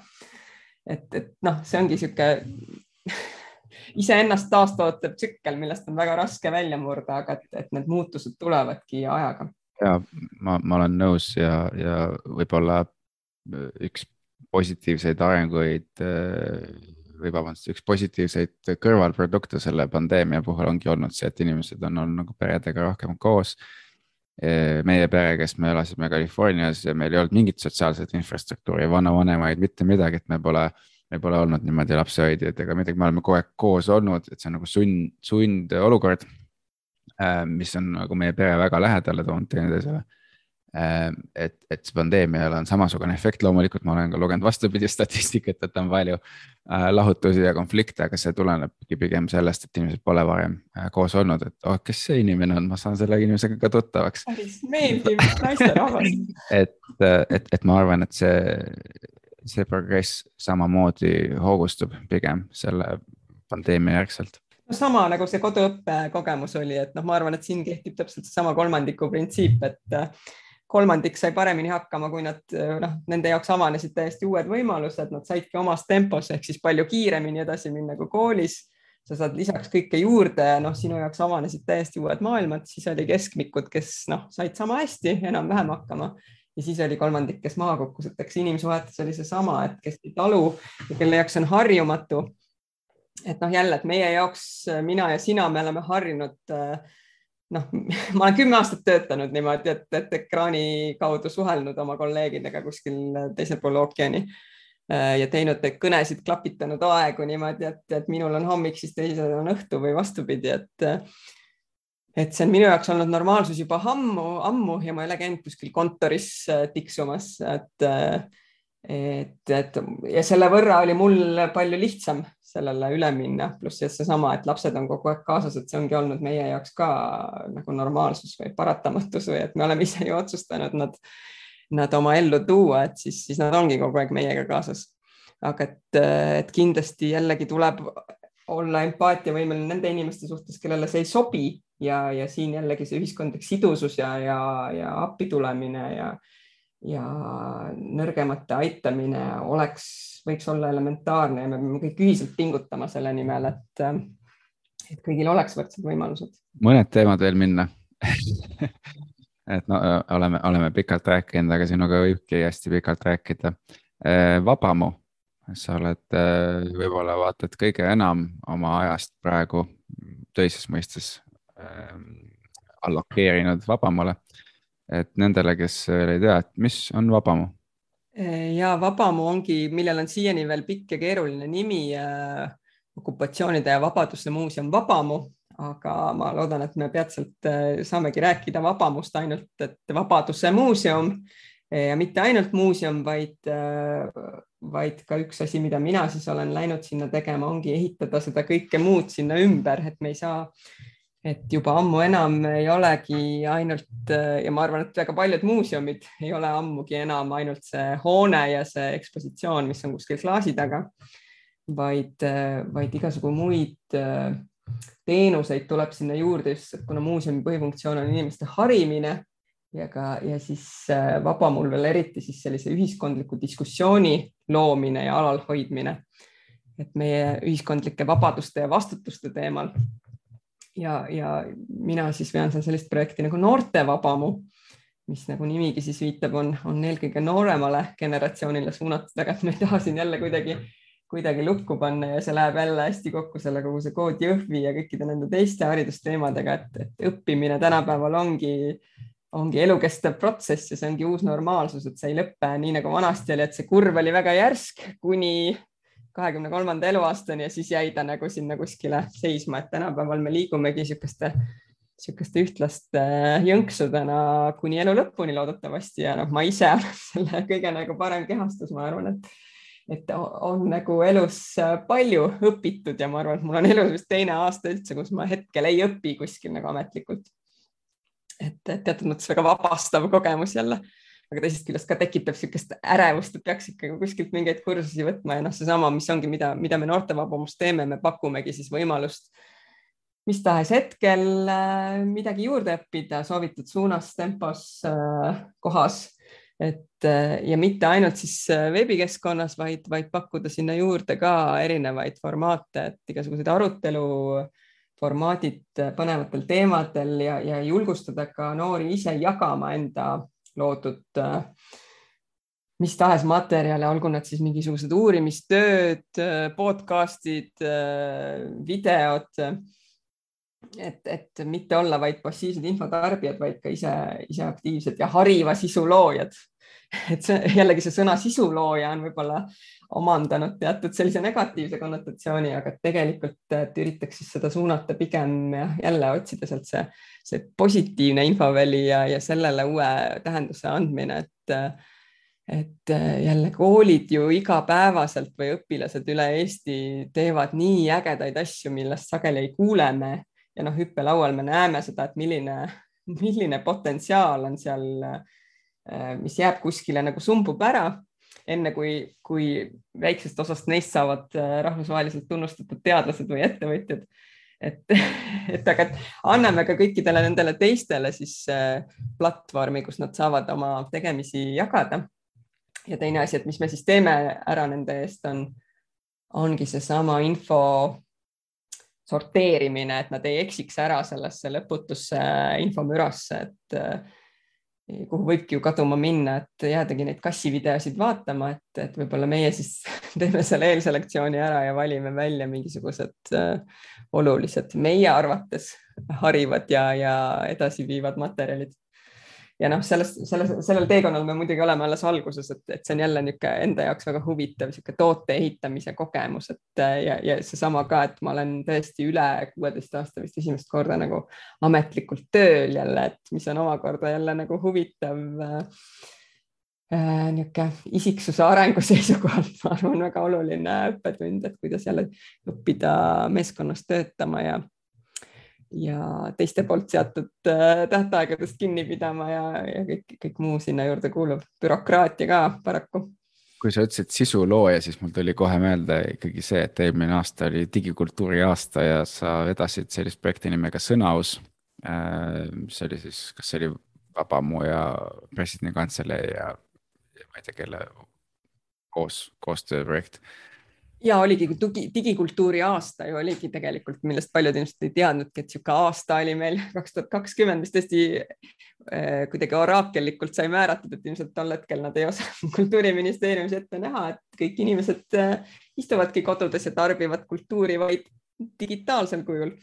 nii et selles mõttes läks eh, see ajastus oli ideaalne. miks me seda tegime, et, seal oligi noh, jälle ma arvan, et see teatud mõttes see tõuke, mul oli endal see kripeldanud see teema juba ammu, et selgelt jällegi, kui sa selles äh, äh, otsapidi tehnoloogiasektoris töötad, siis sa igapäevaselt tajud, kui piiratud on meie sõnavara just siis äh, erinevate tehnoloogiliste lahenduste seletamiseks eesti keeles. et ja kohati on ikka need, need sõnad, mis on nagu käibele võetud pool äh, vägisi, kuna lihtsalt paremaid ei ole võtta et, et need on nii koledad või ebamugavad ja, ja, ja seetõttu inimesed neid ka ei taha kasutada ja seetõttu kasutataksegi sellist äh, koledat segakeelt sageli ja laenataksegi peamiselt siis inglise keelest sõnu. ja, ja meil oligi siis teatud mõttes selline eksperiment, et, et me tahtsime just näha, et kui, kui aktiivselt ka just noored sellega kaasa tulevad, kuna kuna sageli just noored, just kogu see digisõnavara on ka nii-öelda noorte pärusmaa või nende jaoks nagu iseenesestmõistetav valdkond. et, et pakkusime siis selle võimaluse välja ja tõesti see, kui hästi sellest kinni haarati, hämmastas meid ka endid, et, et neli tuhat uut sõna pakuti ja, ja neist valdav osa tuli siis tõesti noorte poolt et äh, ja, ja nii tore on kuulda, et, et väga paljud sõnad on neist ka juba nagu käibele läinud, siin on ka nagu hästi palju tuli neid küsimusi, et kuidas te nüüd kavatsete seda siis nagu noh, sundida inimesi neid sõnu kasutama, et loomulikult jälle keegi ei saa kuidagi sundida, et see ongi lihtsalt, et need sõnad, et sellised, sellised kampaania korras sõnakorjed ilmselt lihtsalt toovad tähelepanu ja, ja ega muul moel nad käibele ka ei lähe, kui ainult kasutamisel. Ehk siis, et me ise peame neid ähm, korraldajatena nii-öelda igale poole, et näiteks seesama häkaton jube, tõesti ju, eesti keeles jubedana kõna, kõlav sõna ju, mis on, kuna kõikjal häkatona korraldatakse ja, ja, ja ja liiatigi seda kirjutatakse alati valesti ja, ja et, et miks me siis ei võiks kasutada mõnda toredat eestikeelset sõna selle asemel, näiteks koodiprõmm, mis välja pakuti või siis taibutalgud et, et minu meelest palju armsamad sõnad, mis samas annavad selle nähtuse olemust nii palju paremini edasi. et, et juba, juba läinud äh, käibele, aga äh, ega muul viisil ei saagi, kui inimesed ise ei taha seda või noh, et, et kasutame, siis inimesed kuulevad, et oh, päris lahe sõna, et hakkan ka kasutama, et eks, eks nii see keeleuuendus tekibki ja see ongi jällegi võti, et eesti keel ähm, saaks püsima jääda, sest et me ei saa keelt kuskile klaasi taha panna, vaid ta peab arenema koos ühiskonnaga ja keskkonnaga meie ümber.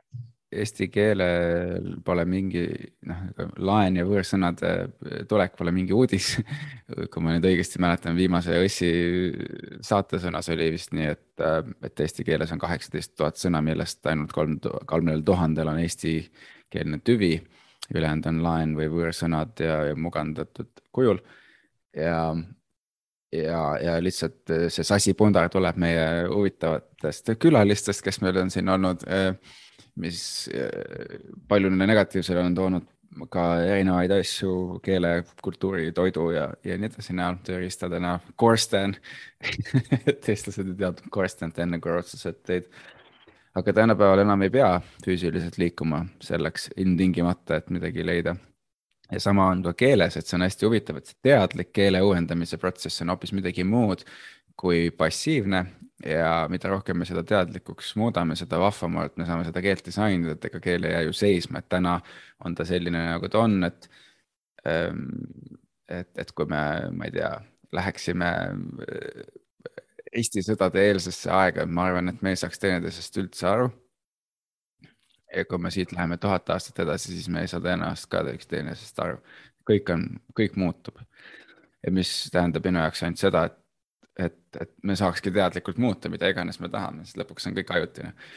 ja, ja see on nagu hästi lahe ja, ja, ja, ja võib-olla kõige huvitavam küsimus sinu vaade sellele ongi see, et, et minu arust siin on see tasakaalupunkti otsimine on hästi keeruline, üks on keele innovatsioon või keele uuendus, siis on äh, keele konserveerimine, et mingisuguste traditsioonide hoidmine, sealt tekib samamoodi see sasipuntra puhastamine ehk siis ühtlustamine, et kust me tõmbame selle joone sa ei saa purki panna, nagunii inimesed kasutavad nii, nagu on mugav, et see ongi nagu kuulamise pool keele arengus on hästi oluline, et sa ei saa nagu käskida, aga sa saad uuendada. ja siis on see telefonimängu näide, millest ma räägin, et kui sul on mingi sõna, mis vanasti liikus, ma ei tea, laevaliikluses kolme aasta jooksul läb, mängis, mängis või noh, käis läbi paljud linnad ja, ja kohad ja jõudis meieni täiesti muudetud kujul et siis nüüd sa saad teada kahe sekundiga mingist uuest asjast, et siis tekibki küsimus, kuidas seda siis nimetada. Eh, noh, linnanimed on head, toidunimed on hea näide, noh, nimed, inimeste nimed on nagu eriti hea näide. ja noh, kui meil on foneetiline keel, siis see teeb asja veel huvitavamaks, kui see tuleb kuskilt mujalt romaanikeeltest. Nii et eh, kuidas sa vaatad sellele kõigele otsa, me oleme sinuga sellest rääkinud mingite konkreetsete sõnade näitel, aga, aga üldisemalt. Ei no vot selles mõttes ma arvan, et sõnaus oligi meil hästi noh, ja jälle, ega me ei leiutanud siin ju mingisugust täiesti uut formaati, vaid seda, seda sõnakorjet on juba varem tehtud, seda tehti juba Eesti ajal ja Nõukogude ajal ja ja nüüd äh, taasiseseisvunud Eestis on seda ka korduvalt juba tehtud, et et inimesed pakuvad välja, siis on sul mingisugune komisjon, kes nagu vaatab selle üle või et keeleteadlased ikkagi nagu mingil määral sekkuvad, aga et see ei ole keeleuuendus ei toimi sellisel viisil, et et tulebki kokku äh, komisjon eksperte, nii on ka üritatud teha, et näiteks seesama IT-terminoloogiat on ju loodud nii, tulebki kokku komisjon, kes siis mõtlevad välja uued sõnad. Antakse võib-olla välja mingisugune kuskil kitsas kogukonnas Äh, levi, levitatav üllitis, mis jääbki kahjuks sinna kogukonna piiresse ainult ja, ja tõesti, et kuna need sõnad äh, esiteks ei ole võib-olla antud eriala inimestega üldse kooskõlastatud ja teiseks ammugi mitte nii-öelda lihtinimestega või kelle suus see keel kõlama peaks hakkama, et ja siis nii ta käi peale ei lähegi, kuna ta on lihtsalt niivõrd elukauge aga ma arvan, et niipidi, et kui inimesed on ise selle välja pakkunud ja siis ütlevad äh, keeleteadlased, oh, et see vastavad, need sõnad vastavad küll siin eesti keele reeglitele ja seesama võõrsõnade omaks võtmine ja, ja, ja sealt mingisuguste muganduste tekitamine, et et, et see ongi täiesti loomulik protsess keele arengul ja, ja kui ta vastab nagu suures plaanis mingitele reeglitele pluss noh, ma arvan, et seal võti ongi see, et, et see sõna peab hästi kõlama ja teiseks seda nähtust edasi andma, et mis ongi nagu olulised kriteeriumid täidetud, et sel juhul äh, noh, lõppeks ikkagi otsustab, äh, otsustab äh, rääkija, et mida ta siis käi peale võtab, aga et, et jälle see, et kui inimesed ise saavad protsessides osaleda, siis, siis kindlasti see tekitab ka rohkem soovi selles kuidagi osaline olla, et et, et siis me tahamegi kõik seda ilusat eesti keelt ju parema meelega rääkida, selle asemel, et, et, et ülemine, noh näiteks jälle teaduskeel, ma arvan, et see on jälle, mille üle siin on palju arutletud ja kurdetud, et kui me ülikoolides ka kaotame ära nõude teadustööd kirjutada eesti keeles, aga noh, teisest küljest jällegi, et, et ka,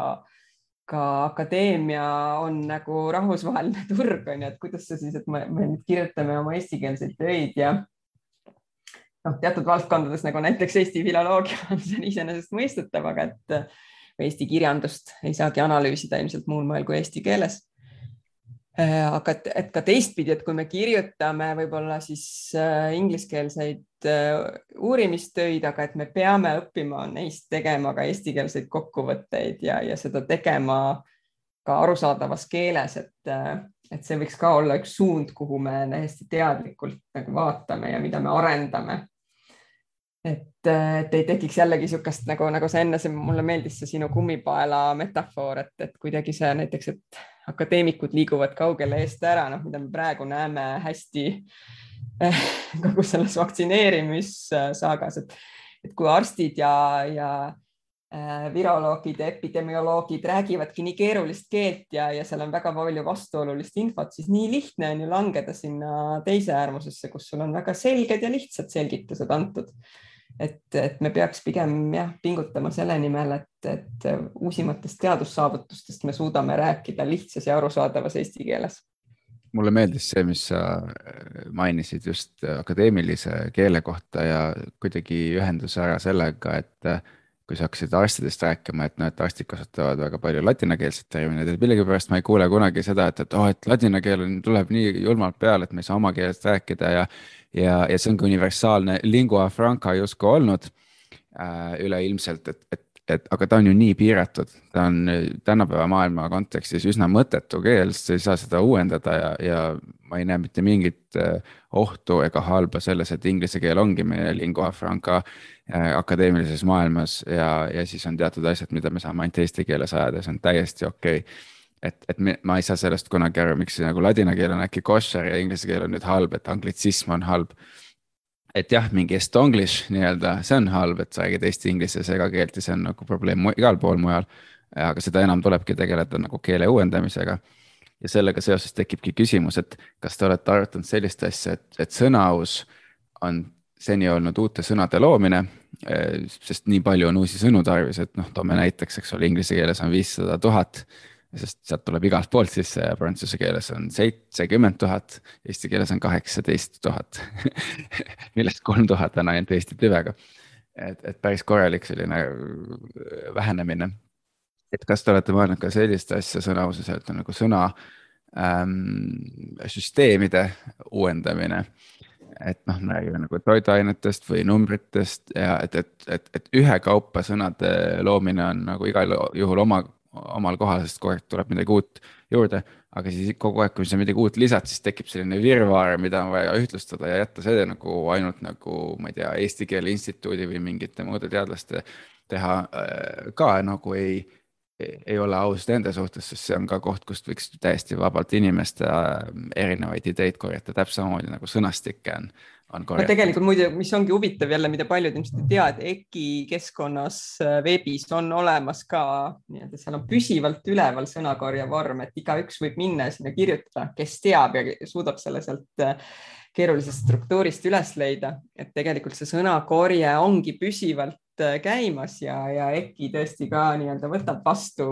inimeste pakkumisi pidevalt. aga ma ei, ma ei teagi selle, selles osas ma tõesti selle struktuuri muutmise osas, et ma usun, et seal jällegi see, seal keegi peab ikkagi, kui on nii-öelda suuremad strukturaalsed muudatused, et see, seda peab keegi kuidagi mingit projekti nagu juhtima või siis peab olema mingi selline, selline noh, nii nagu oli Johannes Saavik omal ajal, et noh, lihtsalt niivõrd nagu mõjukas või, või särav isik või selline karismaatiline keeleuuendaja kes,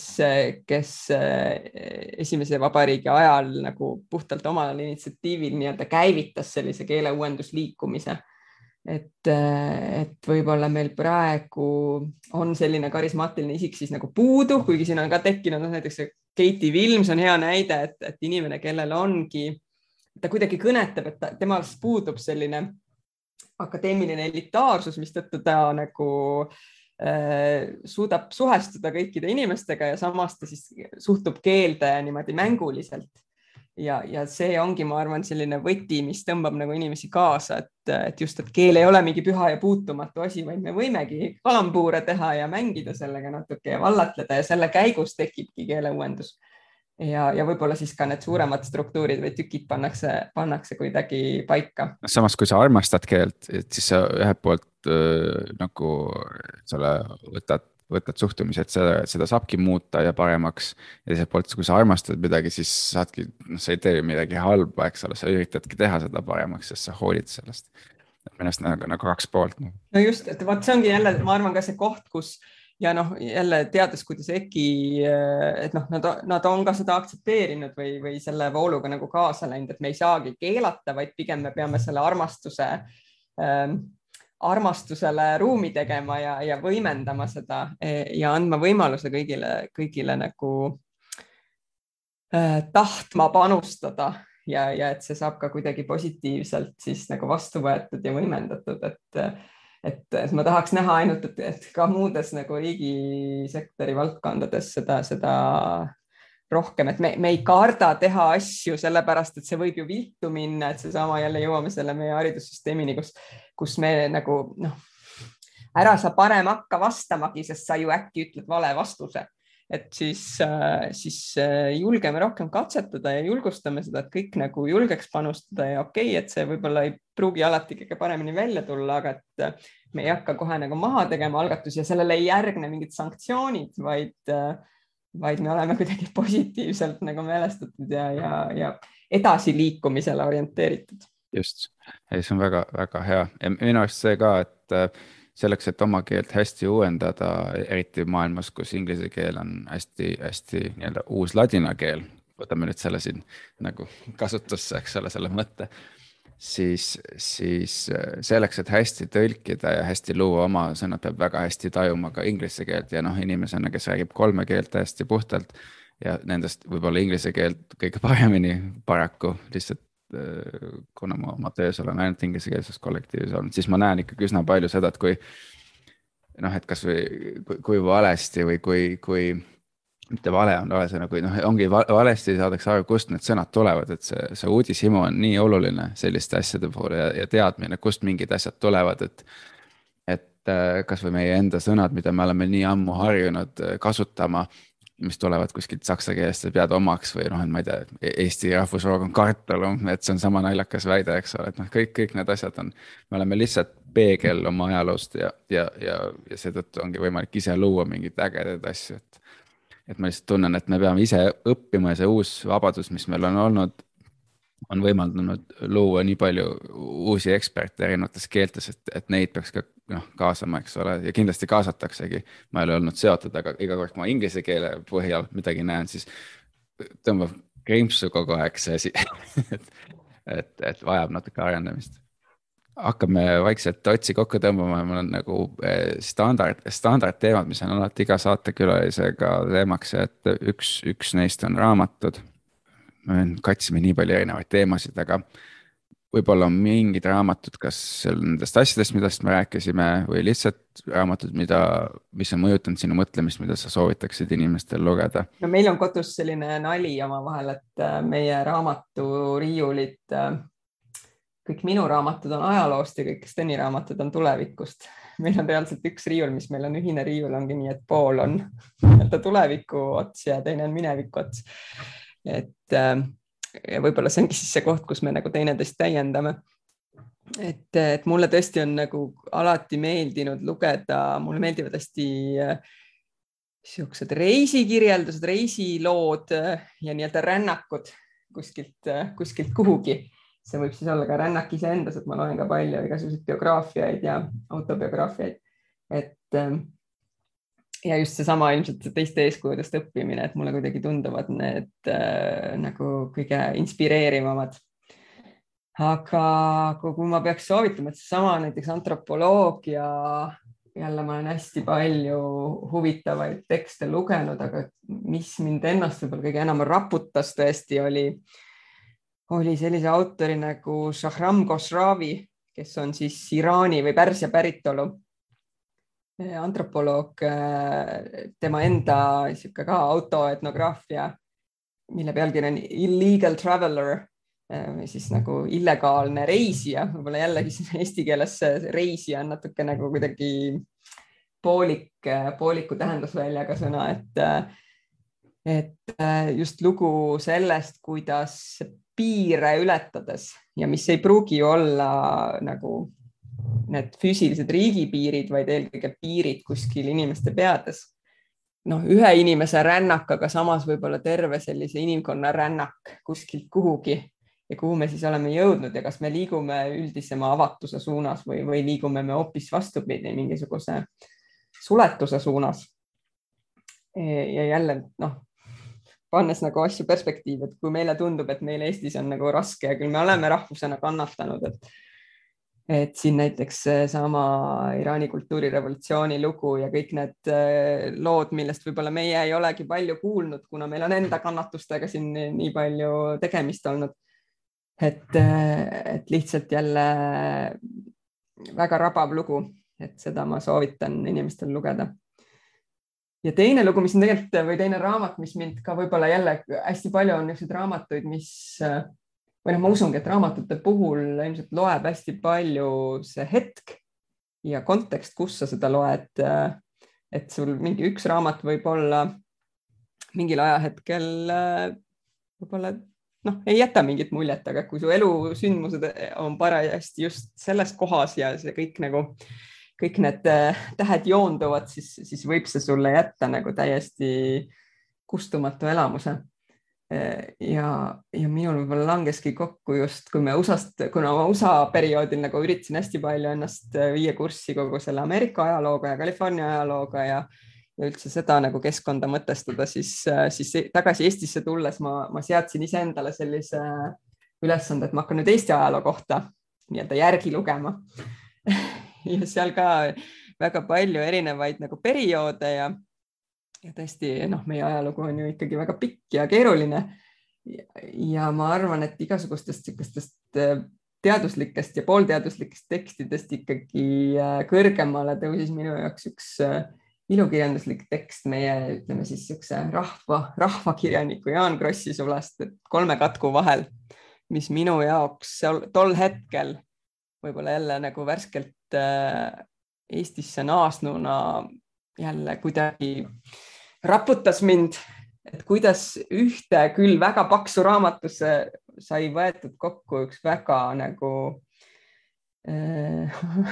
nagu kõik, kõik, kõik nagu klassika olemas. et, et kogu see eestlaseks olemise lugu ja kust me tuleme ja kogu see, see ajalooline kontekst, noh, rääkimata sellest, kuidas ta ikkagi äh, kuidas Kross nagu suudab nii noh, elavalt kirjeldada mingisugust äh, olustikku ja noh, et sa, ma kunagi ka sattusin vaimustusse nendest Hargla keskaja krimiromaanidest, aga et olles siis nagu Krossi peale lugenud, sain aru, et kui, kui kuidagi pealiskaudsed need, need on, et, et ikkagi see keskaja Tallinna kirjeldus ja eestlase olemuse, eestlase psüühe kirjeldus, et see, et ma arvan, et ei ole nagu või noh, väga raske on jõuda teistel kirjanikel sinna Krossi tasemele, et, et see on ikkagi nagu niisugune piibel, eestlaste piibel, ma arvan, võiks olla Eesti uus äh,, jällegi see Kalevipoeg, ma hämmastun, et mu lapsed nüüd peavad koolis seda käsitlema, et Kalevipoeg on siiani nagu kohustusliku kirjandusena ja rahvuseeposena, et kuigi ma arvan, et seal võiks nagu kõvasti vaielda, et võib-olla kilplased või, või siis jälle seesama kolme katku vahel minu meelest võiks olla äh, kuidagi võtab äh, võtab kokku Eesti ajaloo ja eestlaseks olemise niivõrd palju paremini. igati nõus. Äh, kui me räägime omavahel, eks ole, siis me räägime ühtmoodi Eestist ja, ja me räägime võib-olla nagu tänagi nii olmelistest kui tulevikust ja, ja nii edasi, aga kui, kui me vaatame, siis me oleme kõik diplomaadid ja me kohtume paljude mitte-eestlastega üle maailma viimase paari aasta jooksul küll vähem või üle Zoom'i, tähendab minu, minu töö peamiselt ongi välis, välismaalastega, aga. aga kui keegi küsib sinu käest või sul tekib võimalus kirjeldada, milline on Eesti, siis kuidas, kuidas sa vastad? no jälle, eks see sõltub ilmselt, kellele sa räägid, et, et ilmselt ameeriklastele ühtemoodi ja eurooplastele teistmoodi ja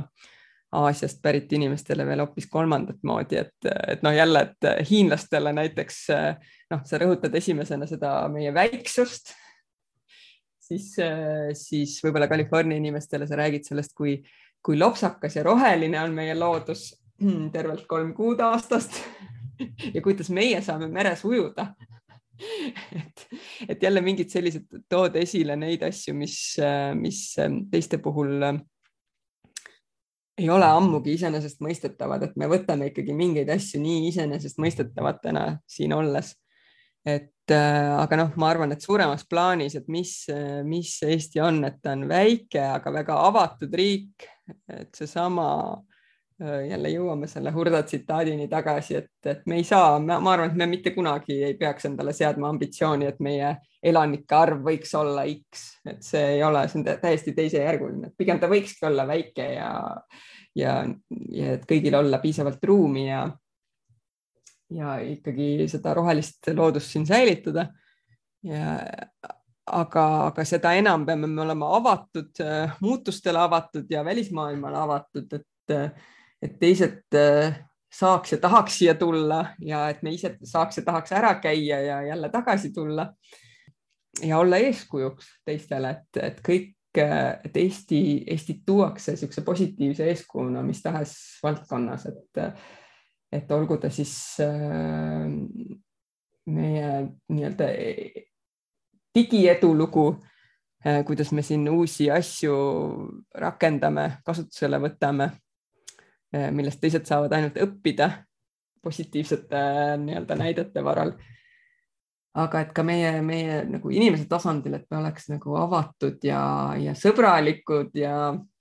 ja et kõik, kõik tahaks ta,, tahaks olla meie sõbrad. see, see läheb hästi kokku järgmise ja viimase küsimusega, et, et Eesti tähistas just äh, hiljuti saja, sajandat äh, juubelit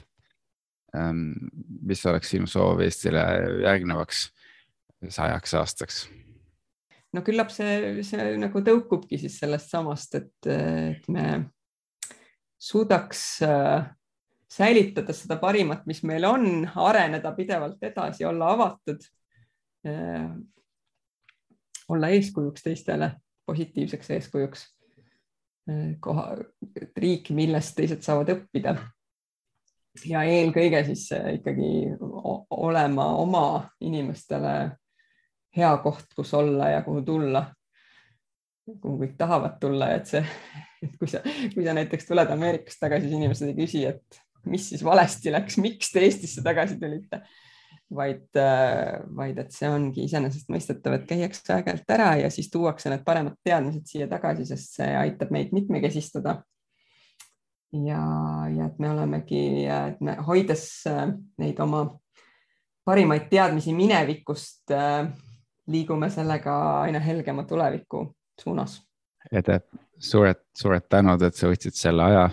nüüd pea kolm tundi äh, rääkida. nagu kuulajad võivad arvata, et siis me võiksime rääkida veel aga, aga aeg ja ma arvan ka kuulajate kannatus seab piirid. Oled lihtsalt suurepärane inimene, aitäh, et sa jagasid oma mõtteid, ma usun, et need on väga inspireerivad. head kuulajad, siis te kuulasite saatesarja Globaalsed eestlased ning meil oli külas Ede Shank Tamkivi. kui teil on mõtteid või ettepanekuid, kellega me võiksime veel saate teha, siis kirjutage aadressil globaalsed eestlased at gmail.com. Kuulmiseni